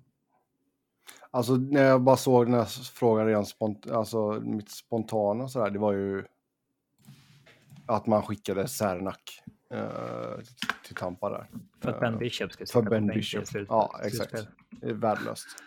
Så den, den stack ifrån sådär. Men sen tänker jag så här, om vi ska kolla draft då. Med tanke på skadeproblemen och sånt som man har haft så tr- 2019 där när man tar Alex Turcott så med facit i hand nu så hade jag ju hellre tagit Moritz Seider eller Trevor Seagrass. Vad fan. Alltså, alltså draftbeslut är också lite Ja, jo, jo. fusk. Alltså så är det så här... Framförallt lite senare i draften. Jag, ty jag tycker det är lite mer relevant att lyfta det liksom, när det blir en sån extrem fuck-up som det blev med Nolan Patrick. Liksom. Andra Men man väljer uppenbart, man väljer mellan tre eh, superstjärnor liksom Mm. och väljer fel där. Det, det är väl uppenbart, men alltså, det var ju ingen som. Det var ingen som pekade på att Seagrass var. Eh, Jag Alltså, tror man kan ju säga kommer man ihåg ändå var hyfsat eh, välrenommerad sådär. Ja, ja, ja. Men liksom då skulle jag kunna peka på att Avs gör en tabbe som tar Bowen Byram som fyra istället för Seagrass som går nia. Mm. Men Seagrass var ju liksom inte. Nej, Alltså, men alltså var jag, jag tycker, jag, alltså Moritz Seider var, ju det, var det ju inte så snack om. Så jag, jag hade ju hellre tagit att Nej, man men, nej, men han var ju en, han var ju en jättereach. Det var ju som en... Snack om han skulle gå sent i första rundan. Ja. Mm. Ja. Så den tycker jag inte heller du kan... Vad gick han? Typ sexa sen va? Femma, sexa något sånt. Han gick sexa. Ja, Kings tar ju Ja. Turgot, eh, Turgot som femma och så blir det Sider sexa. Mm. Seagrass nia. Mm. Eh, men... Då är det kanske mer rimligt att man skulle tagit Dylan Cousins istället för Turcott eller något. Men draftbeslut är ju liksom lite, det är inte något annat än att Ja. liksom ta ett beslut om att skicka två first rounders mot en Mm. spelare Ja. som inte visar sig flyga. Men då känns ju Cernak mot Bishop. Det känns jobbigt. Ni måste ju gjort någon stor trade som var eh, jobbig va? Mm. Gabrik eh, var, blev ju lyckosam men ändå inte. Ja, man tar ju inte kuppen där, inte, inte eh, den sista kuppen så att säga. Mm. Det får man väl säga. Skulle, men- eh, ja, från, från LAs håll gör, gör man Richards-traden. Ja. Alltså, men man kan väl på... Jag menar han hjälpte ju till på, på första Ja, ja. kuppen men det är ändå liksom Simmons känn. Uh, skulle man Jo, kunna det- ha kvar fortfarande. Nej, den gör man. Men man gjorde inga större trades i slutet på sin liksom prime där man försökte hålla sig flytande med att trada två first rounders mot någon spelare eller sådär va? Nej, man gjorde inte det. Nej. I modern, alltså i modern tid är det väl ganska lätt att säga Cal Petersons kontraktet. Mm. Den är ju fair att säga. Ja, ja, absolut. Men jag tycker Cer- Cernak uh, svider mer. Ja, Köpte de inte ut någon jävel? åh jävel. Någon jävel. Vad var det för jävel? Var det de som köpte ut Faneuf? Ja, Eh, ja, det, ja, det gjorde de. Var det... eh, Han var har det det förträngt nästan. en- supertekaren? Ja. var det en... eh, Var det en... Man gav inte upp för något för honom i en trade väl? Jo, För Alltså Faneuf, eh, nå- nå- något av betydelse alltså. Faneuf var väl... eh, var det Faneuf LA acquires Thompson? Nate Thompson och Faneuf mot Gaborik och Nick Shore. Ja. ja, nej, det var cap mot cap. Mm. En var användbar, en inte. Typ. Nej, men jag säger Cernak där då. Men om... Säga något med Avs om man ska vara ärlig. Ja. Måste ju fuckat upp någonting. Ja, O'Reilly, Alltså- Duchene. Duchene-traden är ju monsterbra. Liksom. Den... Och man kan ju inte säga att... Ja, jag bara nämner de stora, jag kommer Ja. inte ihåg detaljerna. Jag bara nämnde de stora grejerna som har Man, hänt. man kan ju inte säga att de skickade O'Reilly till Buffalo var så jävla dåligt heller. För det var man ju liksom inträngd lite i ett hörn. Att han ville vad, vad fan fick man för honom? Jag kommer inte ihåg. Eh, man fick eh, first rounder, Nikita Sadorov, JT Confer och eh, second rounder tror jag. Nej, man fick första valet i andra rundan. Uh, JT Confer och Sadorov och så. Men Då var ju Sadorov var ju den största pusselbiten. Han var ju hypad som fan då. uh. Ehm, Ja, det får väl ändå anses vara okej under förutsättningarna. Men hela situationen Mm. var väl ändå lite av eh, kanske något man vill ha ogjort. Ja, Äh, Calgary det börjar ju redan. eh, Det börjar ju sommar 2012 när man inte kan få honom förlängd långt. Han vill ju ha ett megakontrakt redan då efter sin Mhm. första 50 poäng säsong. Mm. Eh, så att ja, ska man gå tillbaka 11 år och ge han de där 5 miljonerna liksom, i så fall. Mm. Ehm, annars så. Det finns ju lite skit i slutet på eh, Patrick Roy som är, eller i början på Patrick Roy som är riktigt dåligt, men. Det är mycket små grejer. Alltså det är mycket så här, man pröjsar en eh, second round för Reto Berra som ny andra keeper. Alltså, Rito Berra. ja, ge honom ett treårskontrakt. Helt, eh, ja, Barockt. Det var ju konstigt. Det värsta de gjorde var väl kanske när de sommaren 2014 eh, tradar en second rounder och en sjätte rundare tror jag för Brad Stewart som är 36 år och har ett år kvar kontraktet Just det, jag förlänger med honom i Och- förtid. och förlänger med honom i förtid då. Sen efter ett år så vill man köpa ut honom, men det Mm. går inte för det är det årets nya kontrakt kickar in. Mm. Och så spelar han sex matcher på det avtalet eh, totalt innan han köps ut andra året. Det, Nu, nu, det var nu. Nu passar ju inte eh, Eric Johnson-traden passar ju inte in i, i det här eh, tidsintervallet. Men eh, gör man om den? Chattenkirk var, hade ju ändå många, många bra år. Mm. Ja, alltså jag skulle ju hellre ta Chattenkirks karriär än Eric Johnson. Det, Ja. det, det gör jag ju, men man gav ju också upp Chris Stewart i den tiden och han var ju bra då. Eh, sen blev ju inte hans karriär nå... Alltså han började ju dala väldigt, väldigt tidigt. Mm. Ehm, men förhoppningen när man gav upp både Chattenkirk och Chris Stewart var nog att man skulle ha en ny första back, Eric Johnson, och det har ju aldrig varit. Men eh, Nej, nej. en underskattad del den dealen var att man gav upp en second rounder också, men fick en first rounder som var topp 10 protected och det blev ju val 11. Så då fick man ju liksom ett högt, högt jävla draftval där. Mm, som blev Ja, Duncan. Siemens. Ja, som ja, då blev skit, men 29 Ja. år och har slutat spela hockey. ja. Mm. Och det är 20 NHL-matcher. Ja, det var ett dåligt val liksom. Men det var Mm. också, det var precis under hacket i den draften när det inte fanns så många bra spelare kvar där. Eh, Topp 10 sticker ju ut liksom i den draften, verkligen. Sen blir det lite mer blandad komplott. Det blir ju såklart man- alltid någon som, annan, Ja, som jo. ser ner Jo, jo. liksom. Men Har man behövt göra någon buyout eller något sånt där? nej, bara frivilligt trada till sig Brooks Orpix och köpte ut. Just det. Eh, sen så här, ja, man gav Jerome McGinley tre år, men det skadade ju inte så mycket liksom. Nej, och han var väl ändå rätt bra de två första har jag för mig va? Ja, exakt. Sen var ju piss året man eh, krackelerade som alla andra. Ja. Eh, Så det är inget så här stort. Man har inte gjort någon liksom satsning senaste åren heller som inte har blivit. Vad hände med Stasny? Han bara lämnade va? Ja, han Är det något man skulle vilja... Ja, är det något man skulle vilja ogjort?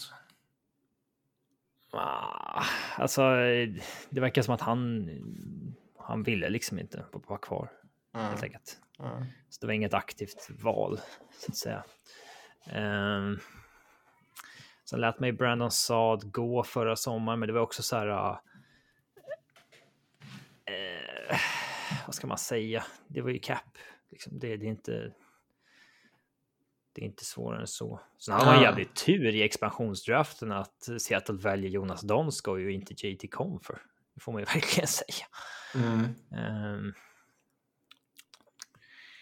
annars det är inget så här kontrakt man har delat ut som har varit lite i förtid något som har blivit dåligt. Så att det är helt rätt beslut att skeppa Tyson Berry däremot Nazem Kadri också. De flesta tyckte ju att det var Toronto som hade det upper hand i den dealen när den skedde. Mm. Eh, för då var ju Kadri lite nedsnackad efter sina dubbla avstängningar mot Boston och eh, där vill ju Tyson Berry ha 8 miljoner på åtta år. Och Det var ju tur att man inte gav. Ja. Man kan ju inte heller säga något om att, att släppa Grobauer eftersom man ändå vann cupen utan honom och sådär liksom. Så. Ja. Hade man inte vunnit i fjol, då hade man ju velat ha Kymper-traden ogjord så att säga. Ja, att ge ja. upp en first rounder eh, och Connor Timmins, den, alltså för att få in en målvakt ett år. Det var ju väldigt högt pris, men då. Det blev ju liksom så att man, man var tvungen att göra det för att ge säsongen en chans fortfarande. Mm. Grobauer valde Seattle sent. Ja, så är det. Eh, men det var en chansning som gick hem då, så att. Det får ju bli typ så här. Ja, man, du får landa i Brad Stewart-dealen eller någonting helt enkelt. Det är väl det. Mm. Sen vet man ju inte, alltså, de kanske har nobbat vissa dealer som man absolut borde ha gjort. Det, det är ju svårt för oss att säga. Mm.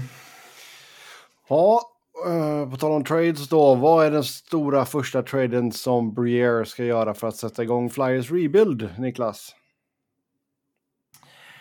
Den, eh, den stora, det är väl två stora grejer man kommer göra till sommaren antar jag. Och det är väl Kevin Hayes och Ivan Provorov. Och jag tror väl inte nödvändigtvis att Kevin Hayes är liksom jag tror inte nödvändigtvis man behöver betala dyrt för att dumpa honom liksom. Eh, om man nu ska skicka honom till Columbus. Eh, men jag tror inte heller man kommer få något vidare utbyte för honom. Jag tror man kan få något utbyte för Provorov. Även om han har kraschat lite så, så finns det ju fortfarande något i honom. Så det är väl den som är den eh, som kommer kickstarta en, en rebuild, antar jag. Jag skulle ju shoppa Travis Connectney hårt också, sälja högt på honom nu. Billig två år till och, och kommer få en bra säsong liksom. Men eh, snacket verkar ju vara att de vill behålla honom. Kan vi inte få Eric Goodbranson till Philly? ja, det skulle inte förvåna. Kevin Hayes mot Good Branson. Mm. Men ehm, sen den, den, den, eh, den intressanta eh, X-faktorn eller vad man ska kalla det är ju Carter Hart. Eh, det tuggas ju återkommande om honom bland de stora gubbarna där ute. Och eh, det börjar ju dessutom viskas lite att eh, han är involverad i den här utredningen kring det kanadensiska JVM-laget. Och att det kanske kan påverka att man försöker trada honom så fort det bara går innan det, det kommer ut detaljer om den situationen. Okej. Och så, jag tror det var förra avsnittet vi pratade om Carter Hart och, och jag menar, är det en trade man gör så tror jag man kan få ett riktigt stort paket för honom om det, om det är någon någon contender som kommer på efter slutspelet att vi behöver en ny målvakt och så pröjsar man sutt för det. Liksom. Ja, eller alltså. Säg ett Buffalo. Ja, Buffalo, Detroit eller vad fan det skulle vara liksom. Någon som behöver den där. Alltså Ottawa eller Buffalo. Det är Mm. väl jättebra alternativ som Mm. saknar den där pusselbiten. Känns som det kan vara en bra sommar att sälja målvakt. Det finns många som Ja. letar men Och jag menar, ska, ska man gå in och, och kanske inte tanka, för det, det verkar de ju inte vilja göra, men ändå liksom rebuilda och kanske inte satsa så att säga, så, så kan ju Carter Hart vara ett hinder för det. Och kanske, Det är ju lite... piss i mål. Ja, men det är ju Lite... Men det är ju lite, lite motsägelsefullt liksom att nu har man äntligen hittat en målvakt eh, efter liksom 20-30 20 år. års förbannelse liksom och, och så vill man trada honom. Men om man, ska man gå in i en rebuild nu, vilket är det enda rätta liksom och eh, visst, man behöver kanske inte ta ett beslut innan man vet om man kommer få Conor Bedard eller inte, för det, det påverkar ju, det kan ju det kan ju få en att slänga ut alla pa- planeringspapper genom fönstret liksom. Mm. Men, eh, Som när Vincent LeCavalier blir tillgänglig, tillgänglig ja. free agency. Man Det är bara att slänga alla sina liksom. planer. Ja. Var liksom David Clarkson huvudplanen innan dess och sen blev det Vinny istället och då kanske det var lika bra att det blev Le Cavalier. Ja. Clarkson. men jag tror väl att eh, Provorov kommer vara den, den stora liksom. Kevin Hayes kommer ske men jag tror inte det kommer kommer vara något, något stort utbyte där nödvändigtvis. Sen är det väl Carter Hart som är den intressanta då. Mm. Eh, fortsätter på Flyers-spåret här. Tårtan har redan sagt att Flyers inte ska ha någon kapten nästa år. Vad tycker Niklas om detta? Det, det är ju lite... Känns som har tagit här några gånger. Ah, inte kaptensfrågan tror jag inte.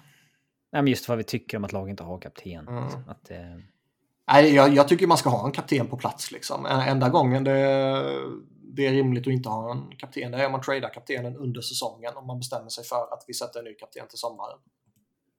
Ehm. det, det är ju lite, lite konstigt är det att gå ut redan nu och säga liksom att vi kommer inte ha en, en kapten. det beror på vad man får för lag. Ja, det beror på vad man får ihop lite för lag. Det beror på vilka trades man kommer göra. Liksom. Det kan ju... Man kan ju jämföra med... Vad fan kan det ha varit? Det kan ha varit typ 06 eh, kanske, där omkring 08. Vad fan det nu var, jag kommer inte ihåg. När man fick in eh, Jason Smith en sommar från Edmonton. Eh, gjorde hon, honom till kapten ett år liksom. Och sen så var det den perfekta kaptenen att få in där och då. Ehm, Tycker jag att det behövs väl ändå någon som är någon form av brygga mellan le- ledning och spelare. Alltså, Det så behövs här, någon som är brygga mellan ledning och truppen. Det behövs en, Ja. en uppenbar kommunikatör ute på isen också gentemot liksom, eh, domare och sådär. Eh, mm, alltså, jag, jag, kan, jag kan ju liksom, de, de flesta trodde väl att när, när Giroud stack att Couturier skulle få den. Men sen så försvann ju han och han är ju ett osäkert kort framåt och sätta C på honom och sen så behöva plocka det från honom för att han typ liksom inte är i speldugligt skick. Eh, känns också konstigt liksom. Så ur den aspekten kan man ju lika gärna avvakta och, och vänta till, till man vet hur förutsättningarna ser ut inför kommande säsong. Men att bestämma redan nu att man inte kommer ha en kaptens kommande säsong känns konstigt.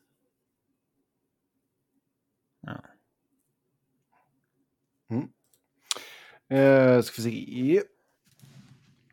Vem är den bästa, nej, näst bästa spelaren i ligan bakom McDavid? Är det Dreisaitl eller McKinnon? I mina ögon har jag Dreisaitl före, men går att argumentera för båda. Att båda? Nej, man måste välja en. Jag måste välja. Nu har ju McKinnon eh, kommit upp på 100 poäng också. Ja, alltså hans poängsnitt har ju varit på den nivån många säsonger. Men han har ju alltid missat 15 matcher typ. Så Mm. att eh, då har han ju hamnat under. Men det här är ju den bästa säsongen någon har gjort i Colorados historia, alltså poängsnittsmässigt. Mm. Eh, det är ju bara Theo Fleury som har bättre den säsongen han kom efter trading deadline. Eh, annars är det ju med poängsnitt den bästa säsongen någon har haft i Avs. Eh, och det säger en del. Det är ändå Mm. fått, alltså, Foppa och Sakic var hyggliga. Hejduk hade någon Ja. fin säsong. Ja, Foppa hade framförallt säsonger med oerhört högt, högt poängsnitt. Alltså, han var ju aldrig hel, men han hade ju säsonger med oerhört högt, högt snitt liksom. Eh, kollar man på poängsnitt så, ja, Flurry är etta på 1,6. Han hade ju 24 poäng på 15 matcher efter deadlinen ett år. Men den räknas ju inte. Nej. Sen är det ju helt sjukt att Foppa säsongen 07-08 har suttit hela året efter sitt slutspel med Nashville. Och kommer in i slutet och bara ska spela slutspelet och hinner klämma in 14 poäng på nio matcher innan eh, slutspelet. Det, det är också ganska sick. Liksom. Det, det är det ju. Eh, och sen sä- säsongen efter gör han bara tre matcher för att han är så trasig. Liksom. Det. Men ja, McKinnon i år. Men det är ju inte så länge sedan vi hade diskussionen om att eh, att eh, då sa vi att det inte är något snack längre om att McKinnon är inte bästa spelaren i Colorado. Det är Cale McCarr. Mm. Så då är det kanske det kanske är mera dem. Alltså McCarr kanske är ett ehm, Men nu är ju McCarr slut som artist ju. Ja, McCarr kanske är ett bättre case för näst bäst i världen än... eh, än eh, alltså man ska inte ha, gå så, ha så jävla recency bias heller. Bara för att Matthews inte haft sin bästa säsong i år. Men han är ju där också liksom. Den, Mm. han är med i den diskussionen. Känns som att Ryan Nugent Hopkins för övrigt har den mest liksom eh, mest quiet 100 poäng säsongen någonsin. Ja. Förra veckan sa du det om Elias Pettersson. Han liksom, eh, Nuge gör ju 11 mål i fjol. Mm. Har aldrig gjort 70 poäng ens. Nej, det är några starka där liksom. Uh, Pettersson kommer ju rimligtvis ta sig över, eller nå 100-poängsgränsen. Nugent Hopkins kommer ju göra det liksom. Uh, Jack Jeppe Hughes Erik. skulle ju gjort det om han skulle varit... Uh, han missade ju några matcher. Ja, Eller skulle, han skulle ju haft goda möjligheter. Tage skulle ju förmodligen gjort det liksom. ja. Erik Karlsson har Eh. fyra poäng kvar. Han kommer ju fan klara det. Mm. Det känns så. Se- Det är sjukt. Ja. Riktigt coolt. Mesta är even strength också. Det är inte så att det är en ren PP-grej utan det är Nej, nej, och för eh, vad blir det? 15-20 matcher sen så skickade de iväg sin bästa spelare också. Mm. Eller ja, Erik Karlsson är väl dess bästa Ja, spelare, men, den bästa forward. mm. Zach Hyman, han är en jävla 80-poängsspelare. Det såg man inte komma för några år sedan. Nej. Ja. Ehm, Så där har ni svaret på vem som är näst bäst ja, exakt. Om, Nej, men alltså, det, man, det, Ja. det är en öppen diskussion tycker jag bakom McDavid mellan Dreisaitl, Kucherov, McKinnon, McCarr. Eh, jag tycker jag vet inte om Pasternak har liksom så pass, alltså det är en fenomenal spelare, men jag vet, jag vet inte om han har så brett register att han ska nämnas där kanske. Men Ah, Ska man slänga upp honom? Kan man slänga upp Fatchak då? Kan man slänga upp Robertson då? Kan man slänga upp liksom... Plötsligt är det rätt Braden många Point. man kan slänga upp också. ja, då ska man liksom slänga in Jack Hughes och Braden Point och uh, Stitchley och lite fler Mm. spelare också kanske. Mm. Det blir kanske lite väl. Ehm, Det är en solklar etta och sen så är det väl en, eh, en handfull som slåss om andra platsen beroende på dagsform typ. mm. Det är det. om ni var GM i de tre till fyra sista lagen, vilka smarta sätt att tanka på slutet hade ni använt? Ställa över spelare är kanske för genomskinligt, så var gärna kreativa. Kanske kan man matförgifta egna spelare eller liknande. I hela laget rännskiten. Ja, alla ska käka Tala den om att det här. inte ska vara för genomskinligt. Eller? Ja, ja men liksom bara, nu ska alla ta och eh, göra den här eh, Vindaloo Challenge, typ. Eh, Det är massa content för deras Ja. sociala medier. Exakt. Cinnamon challenge och det ja, det är bara massa sådana, alla spicy challenges, typ. insomnia challenge. Och det... Ja. Det måste vara så schizofrent i en sån här organisation just nu. Där liksom hela, hela framtiden bygger på vad som kan hända sista matcherna i Ja. vinst eller förlustväg. Eh, Det är så jävla skevt system egentligen så att det, det sak, ja. Men nu står det mellan tre lag. Chicago, Columbus, Anaheim. Mm. Eh, Jag har för mig, är det inte någon sån riktig supermatch, typ sista omgången? Chicago möter typ Columbus eller något sånt där. Det kan ju bli Edmonton-Buffalo-matchen där när Buffalo jublar när de släpper in en puck. För att Mm. de håller på att få McDavid. Fan har vi Chicago? Där har vi Chicago. Chicago har Vancouver, Seattle, Minnesota, Pittsburgh, Philly. Nej, det jag tänker på är ju Philadelphia har ju Chicago och Columbus tror jag i sina två sista matcher. Eh, Det skulle om... eh, nej, men för det har ju pratats lite liksom om att om Flyers skulle varit nere i skiten så skulle de två matcherna vara liksom sjukt spännande att, Mm. att följa. Nu är man ju för Ja. bra liksom. Men nu har ju Anaheim varit i en eh, egen liga här med åtta raka torsk. Mm. Mm. Så, ja. Men det är liksom Ja, ändå det, alltså- visst de, de, de kanske kommer sist men liksom procentuellt har de ju störst chans att inte få första valet. Men som sagt, jag tror, ja, sån här matförgiftning och rännesketa. Ja, men det är klart att man gör ju vad man kan för att få bästa möjlighet på det. Ja, alltså på något Eh, sätt så vill du få upp din E ECHL-målvakt. Eller en e-bug. Alltså, det- du ställer ju över spelare som har minsta skavank. Det gör Ja, ja, För absolut. Att, Mm. eh, eh, alltså, det, det, det får man göra liksom.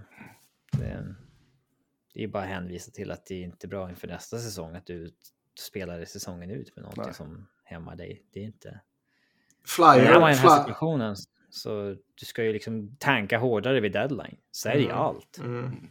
Ja, det är ju där man börjar jobbet liksom. ja. Men Fl- Flyers eh, stängde ju ner Couturier för säsongen. Eh, han ska ju tydligen själv ha velat göra comeback och spela några matcher för att typ liksom Känna på det. känna på det och veta liksom vilken nivå ligger jag på, hur kommer jag behöva lägga upp sommaren och liksom vilken nivå behöver jag jobba mig tillbaka till. Typ. Och de bara no. Ja, nej men liksom det, det, det och sen så det, det första de säger, Philadelphia, liksom när de går ut med det här att nu, nu har vi stängt ner han för säsongen. Det här är inte en setback. Det är liksom när de aktivt går ut och säger att det inte är en setback, då vet man ju att det är en setback. Mm. Ehm, Det, är liksom, det, det finns ju ingen anledning till att lita på, på dem även om de har bytt ledning nu liksom med tanke på att det fortfarande är samma jävla medicinskt ansvariga sopor som är kvar. Vi tog ju inte upp att Jonathan Taves är tillbaka i spel. För eh, Nej, varför ska vi ta upp det för? det... Han missade ju ändå så en del. Och det var väl osäkert ifall han skulle spela mer. Ja, Och eh, han sa väl själv här nu att han ville... Han såg fram emot de här sista veckorna och att det är mycket möjligt att det är hans sista veckor som en Blackhawk eller kanske de sista veckorna som en spelare i ligan överhuvudtaget. mm. Två matcher, två poäng hittills. Still got it. Nej, men alltså det skulle inte förvåna mig ifall han... Jag vet inte exakt, han har ju dragits med lång covid och allt möjligt liksom. Så han kanske... Men han vill- kommer ju få ett jobb hos någon contender nästa år billigt om han vill. Alltså Om han har ändå vill, ja. gjort liksom 30 mål på, Jo, eller 30 poäng på 48 matcher i Jo. år. Och, vill han spela, fortsätta spela så visst. ja, så att eh, det, det tänker jag. Ja, eh, Oilers har äntligen en etta i Stuart Skinner. Hur ser ni på hans chanser till Calder Trophy? Den ska vi revisit. Oilers har äntligen en etta i Stuart Skinner. För det... Han kan ju lika gärna vara en Nedeljkovic om två år. Alltså de har ju en etta här idag liksom. Men som du säger så uh, han kan ju vara AHL-målvakt om två år. Ja, alltså den nivån är det ju ändå. Liksom. Ja. Det ska jag säga. Men det känns väl, eh, alltså, han skulle nog mycket väl kunna vara en av tre finalister så att säga. Eh, men jag tror ju fortfarande att det är Matthew Bernier som tar hem det. ja. Men visst, han bör väl kunna vara aktuell för en nominering. Det, det Ja. kan han väl vara. Det här jävla Jack Campbell-kontraktet. Alltså, Mm. Vi var ju kritiska till det när, när, de, eh, när de signade honom. Det är kanske inte fel att få in målvakten i sig så med tanke på vad han presterade i Toronto ändå. Men, men kontraktet kändes det ju jävla lustigt alltså. Så, Det- Ingen annan hade ju gett honom det där. Hade du bara avvaktat lite mer i free agency så hade du ju kunnat fått honom Mm. rimligt. Liksom. Mm. Det... Yes. Ja, eh, ska vi se. Vem har överraskat, inom parentes överpresterat, samt underpresterat mest i era lag? Okej. Alltså, vad lägger vi i ordet överpresterat? Alltså snackar vi att man har haft liksom flyt med produktionen eller någon som det får vara din har liksom helt, överraskat din positivt? helt egna... eh, Nej, det kan vi inte göra. Vi- Om Ja, vi baserar positiv, det på helt olika saker så blir det ganska skevt. positiv överraskning kan ju vara, alltså... I mitt fall så känns det väl ganska givet med Phoenix Copley. Alltså det finns ju ingen som har överpresterat i, i Flyers.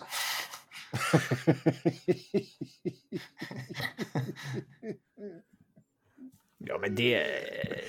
Det Jo, man, jo det, man, man, man kan hitta några namn. Men det finns ju ingen sån där liksom wow vilket jävla supergenombrott. Det är inte det man tänker när man snackar överpresterat. Eller? Jag så här, Jag, vem jag, vem gjort väl, en eh, säsong? rätt, jag tycker det är rätt fritt för tolkning och jag tycker det beror lite på situation och från lag till Alltså, lag. ö- Jag liksom, Överrask... All, alltså, alla tre lagen är ju helt olika situationer. Ja, det står ju överraskat sen inom parentes överpresterat. Så jag menar, tar vi bara det som överraskat så... Jag, jag Så tycker ju liksom... Säsongens eh, besvikelse och, eh, och ja, tvärtom helt enkelt. Ja, Ja. Jag tycker jag är ju liksom positivt överraskad över Owen Tippet. Han framstår ju faktiskt som en genuin NHL-spelare. Spelare, som du sa en gång i liksom. tiden. Ja. Och, Han ser faktiskt och- ut att vara en NHL-spelare. Ja, och eh, alltså det var man ju långt ifrån säker på när han var huvuddelen av en eh, closure trade. Mm. Flyers har ju faktiskt ganska fin utspridd produktion i hela laget. Eh, ja, en jävla skitproduktion, visst. Men um, nej, han är väl en positiv överraskning måste man väl säga tippet ändå för, för mig. Noah Cates tycker jag har varit en, en frisk fläkt och visat att han är en genuint mycket användbar middle six-spelare. Jag tycker väl också att man är positivt överraskad på Samuel Ersson, även om siffrorna kanske inte är de, de bästa så har ju han visat att, att han är värd att, att satsa på framöver. Kanske inte satsa på som liksom sälj Carter Hart för att satsa på Samuel Ersson. Här har vi nya Patrick Roy. Det är liksom inte så, den satsningen men satsa på honom som en av två oavsett vem den andra är. Nej, men som sagt, överraskning Phoenix Copley, besvikelse självklart Cal Peterson och Jonathan Quick. Alltså besvikelse i Flyers finns det, finns det gott om. Ton- Tony DeAngelo har ju varit ett större haveri än vad man kunde tro. Till och med Tårtan har ju sagt att liksom, eh, fan han är ännu sämre defensivt än vad fan vi ens kunde ana. Mm. Eh, fullständigt haveri på alla sätt och vis. Ivan Provorov har ju kraschat liksom. Travis Sunheim fick sitt stora kontrakt och sen så blev han liksom, lika dålig som jag skulle vara på isen. Ja, Mätt och belåten där, vet du. Ja. ehm, jag menar, där har man ju några rätt stora namn. Mm. Då är det bara Robin kvar. Ehm. ja, ehm, Landeskog har vikt ner sig och inte klarat av en enda match. Det måste vi såga för. Devon Taves har ju tappat lite produktionsmässigt, men det skulle jag ändå säga att det var snarare fjolåret som kanske var överprestation, produktion. Det här är nog ganska hans norm och det är ju. Det är ju bra att ligga på att man gör typ 45 poäng som back. Liksom. Ja. Ehm, Alltså den största besvikelsen är väl ärligt talat att Cale McCarr bara är point per game. Alltså, besvi- Nej, alltså den, den största besvikelsen är ju att Alex Newhook inte liksom har klivit fram i Nassim Kadri-hålet som är ja, det är sant. Andra center. Ja. Men då har ju JT Comfy gjort det istället. Mm. Eh, många Avs gnäller ju på Evan Rodriguez, men jag vet inte riktigt vad man förväntar sig för två miljoner dollar. Jag, Jag skulle säga bra. att det har varit rätt okej med honom. Ja, absolut. Eh, Vad, vad, vad tänker man om Nitushkin? För han fick ju ändå ett rätt stort kontrakt.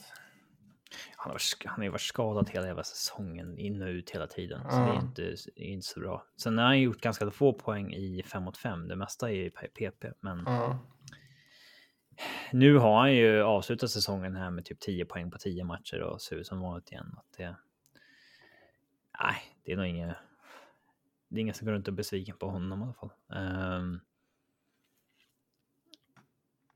men annars var det väl en allmän besvikelse att eh, så många inte kunde leva upp till att fylla liksom djuprollerna som fick chansen. Alla de här eh, prospectsen man har haft som liksom har varit så dåliga att "Äh, det går inte att satsa på dem. Vi måste få hit Matt Nieto och Lars Eller och, och så vidare. Liksom. Ja. Eh, men Georgiev måste ju nämnas som en positiv överraskning också. Det blir det bästa man kunde ens hoppas på. Liksom. Mm. Eh, det var ingen som kunde hoppas på mer än det här, om man säger så. Ehm, Eh, sen hur långt tar McDavid Oilers i slutspelet? På vilka de får möta. Ja, möter de Kings i första rundan, då blir det respass direkt. Ah, Jonas var Korpisalo, den finska väggen, har kommit in nu. nej, jag skulle nog lägga pengarna på Oilers i så fall. Ja, Det blir väl dem? Det är alltså, borde nästan bli det. för det. Det är... Det är Ja, väl om så- Edmont... Ja, kanske att Edmonton skulle kunna snicka sig förbi Vegas. De känns ju, det, det, det har vi pratat om tidigare, liksom. det, det känns ju som att eh, Ekholm-traden har gjort jävligt mycket nytta för dem. Mm. Där, I alla fall kortsiktigt så prickade de nog fan helt rätt där.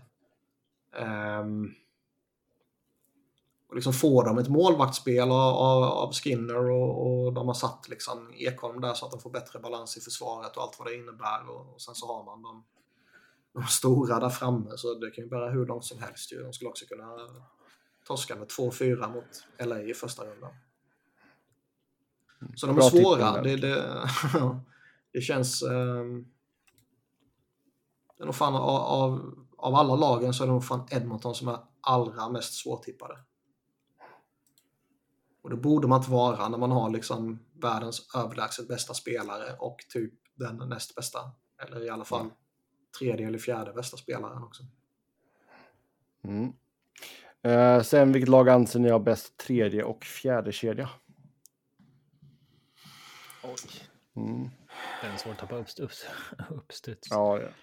Ehm, Spontant får man väl nästan ändå slänga upp det. Vi pratade Rangers innan med den The Kid Line.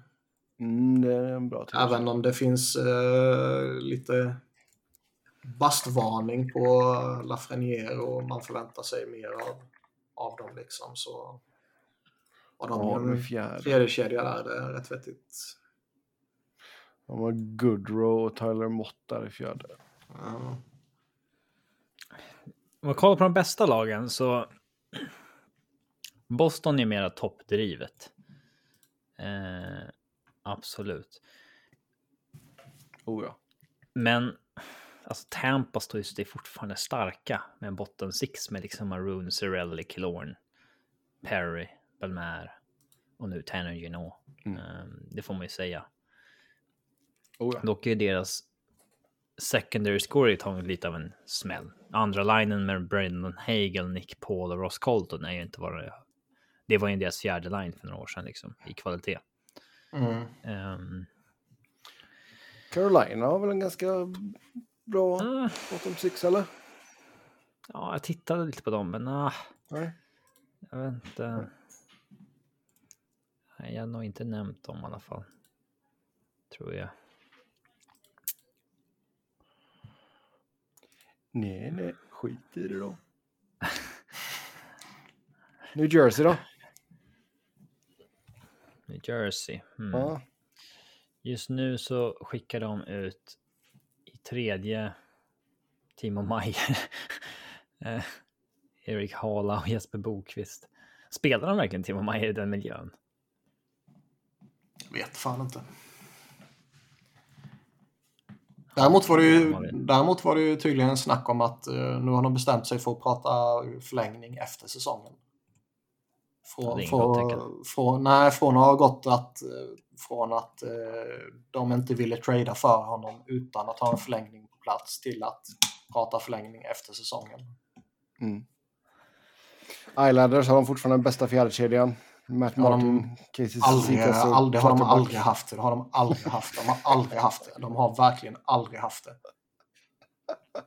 Sjukt att det fortfarande är de som gnuggar ihop ändå. Ja. Visst, det har varit lite utbyte där.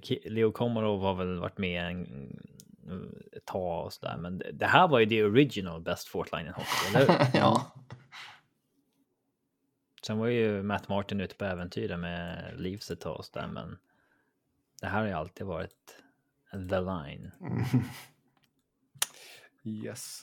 Ja, med det så tar vi och eh, rundar av för idag. Som vanligt så kan ni köta hockey med oss på Twitter. Mig hittar ni på Noren. Fortfarande blue checkmark än så länge. Niklas på att Niklas Wiberg. Niklas med C. En, Wiberg eh, med enkel-V. en snabb grej som vi Mm. nog missade för förra veckan också. Som Ja, jag tycker snabbt. är rätt intressant. Är ju den här, vilka följder blir det av QMJHLs förbud mot fighting? Får du ta den på fyra För- minuter? Ja.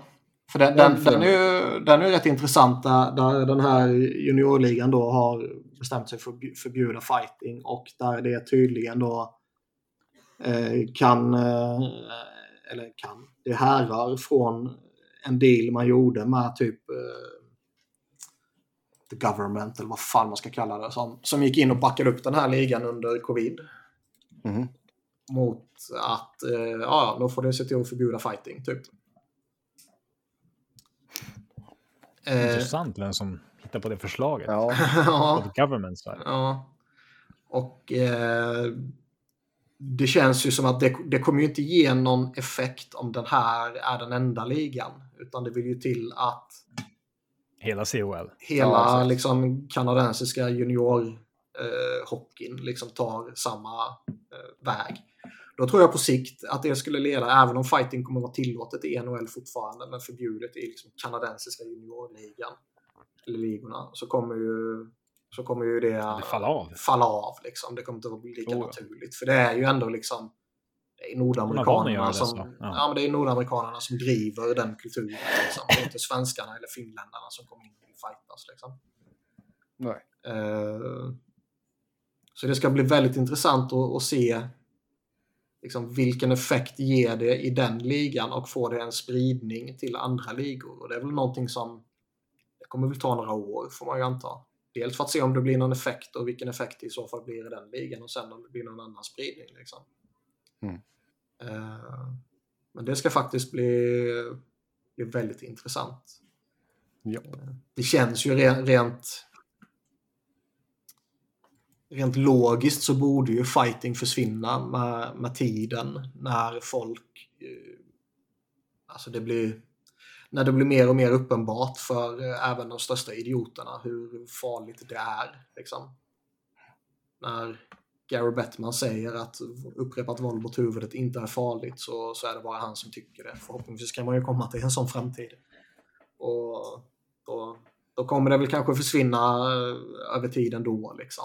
Men om man aktivt förbjuder det på, på lägre nivåer så skyndar man Alltså, väl vad på innebär den ett processen. förbud? Jag vet inte exakta detaljer. Jag vet inte om exakta detaljer är ute heller. Fighting är ju liksom... Ja, en tolkning är ju att det redan är förbjudet eftersom man blir utvisad. Ja, exakt. Men det är ju, ja, det, det är väl, då pratar man ju annars om en förändring av straffskala i så fall. Jo, exakt. Ja. Att det blir matchstraff och avstängning eller någonting. Men Yes. visst. Ja, vi får se ifall det får någon effekt framöver i alla fall. Eh, Robin hittar ni på R underscore Fredriksson. Podden på SV Fans podd. Podd med ett D. Tills nästa gång. Ha det gött. Hej då.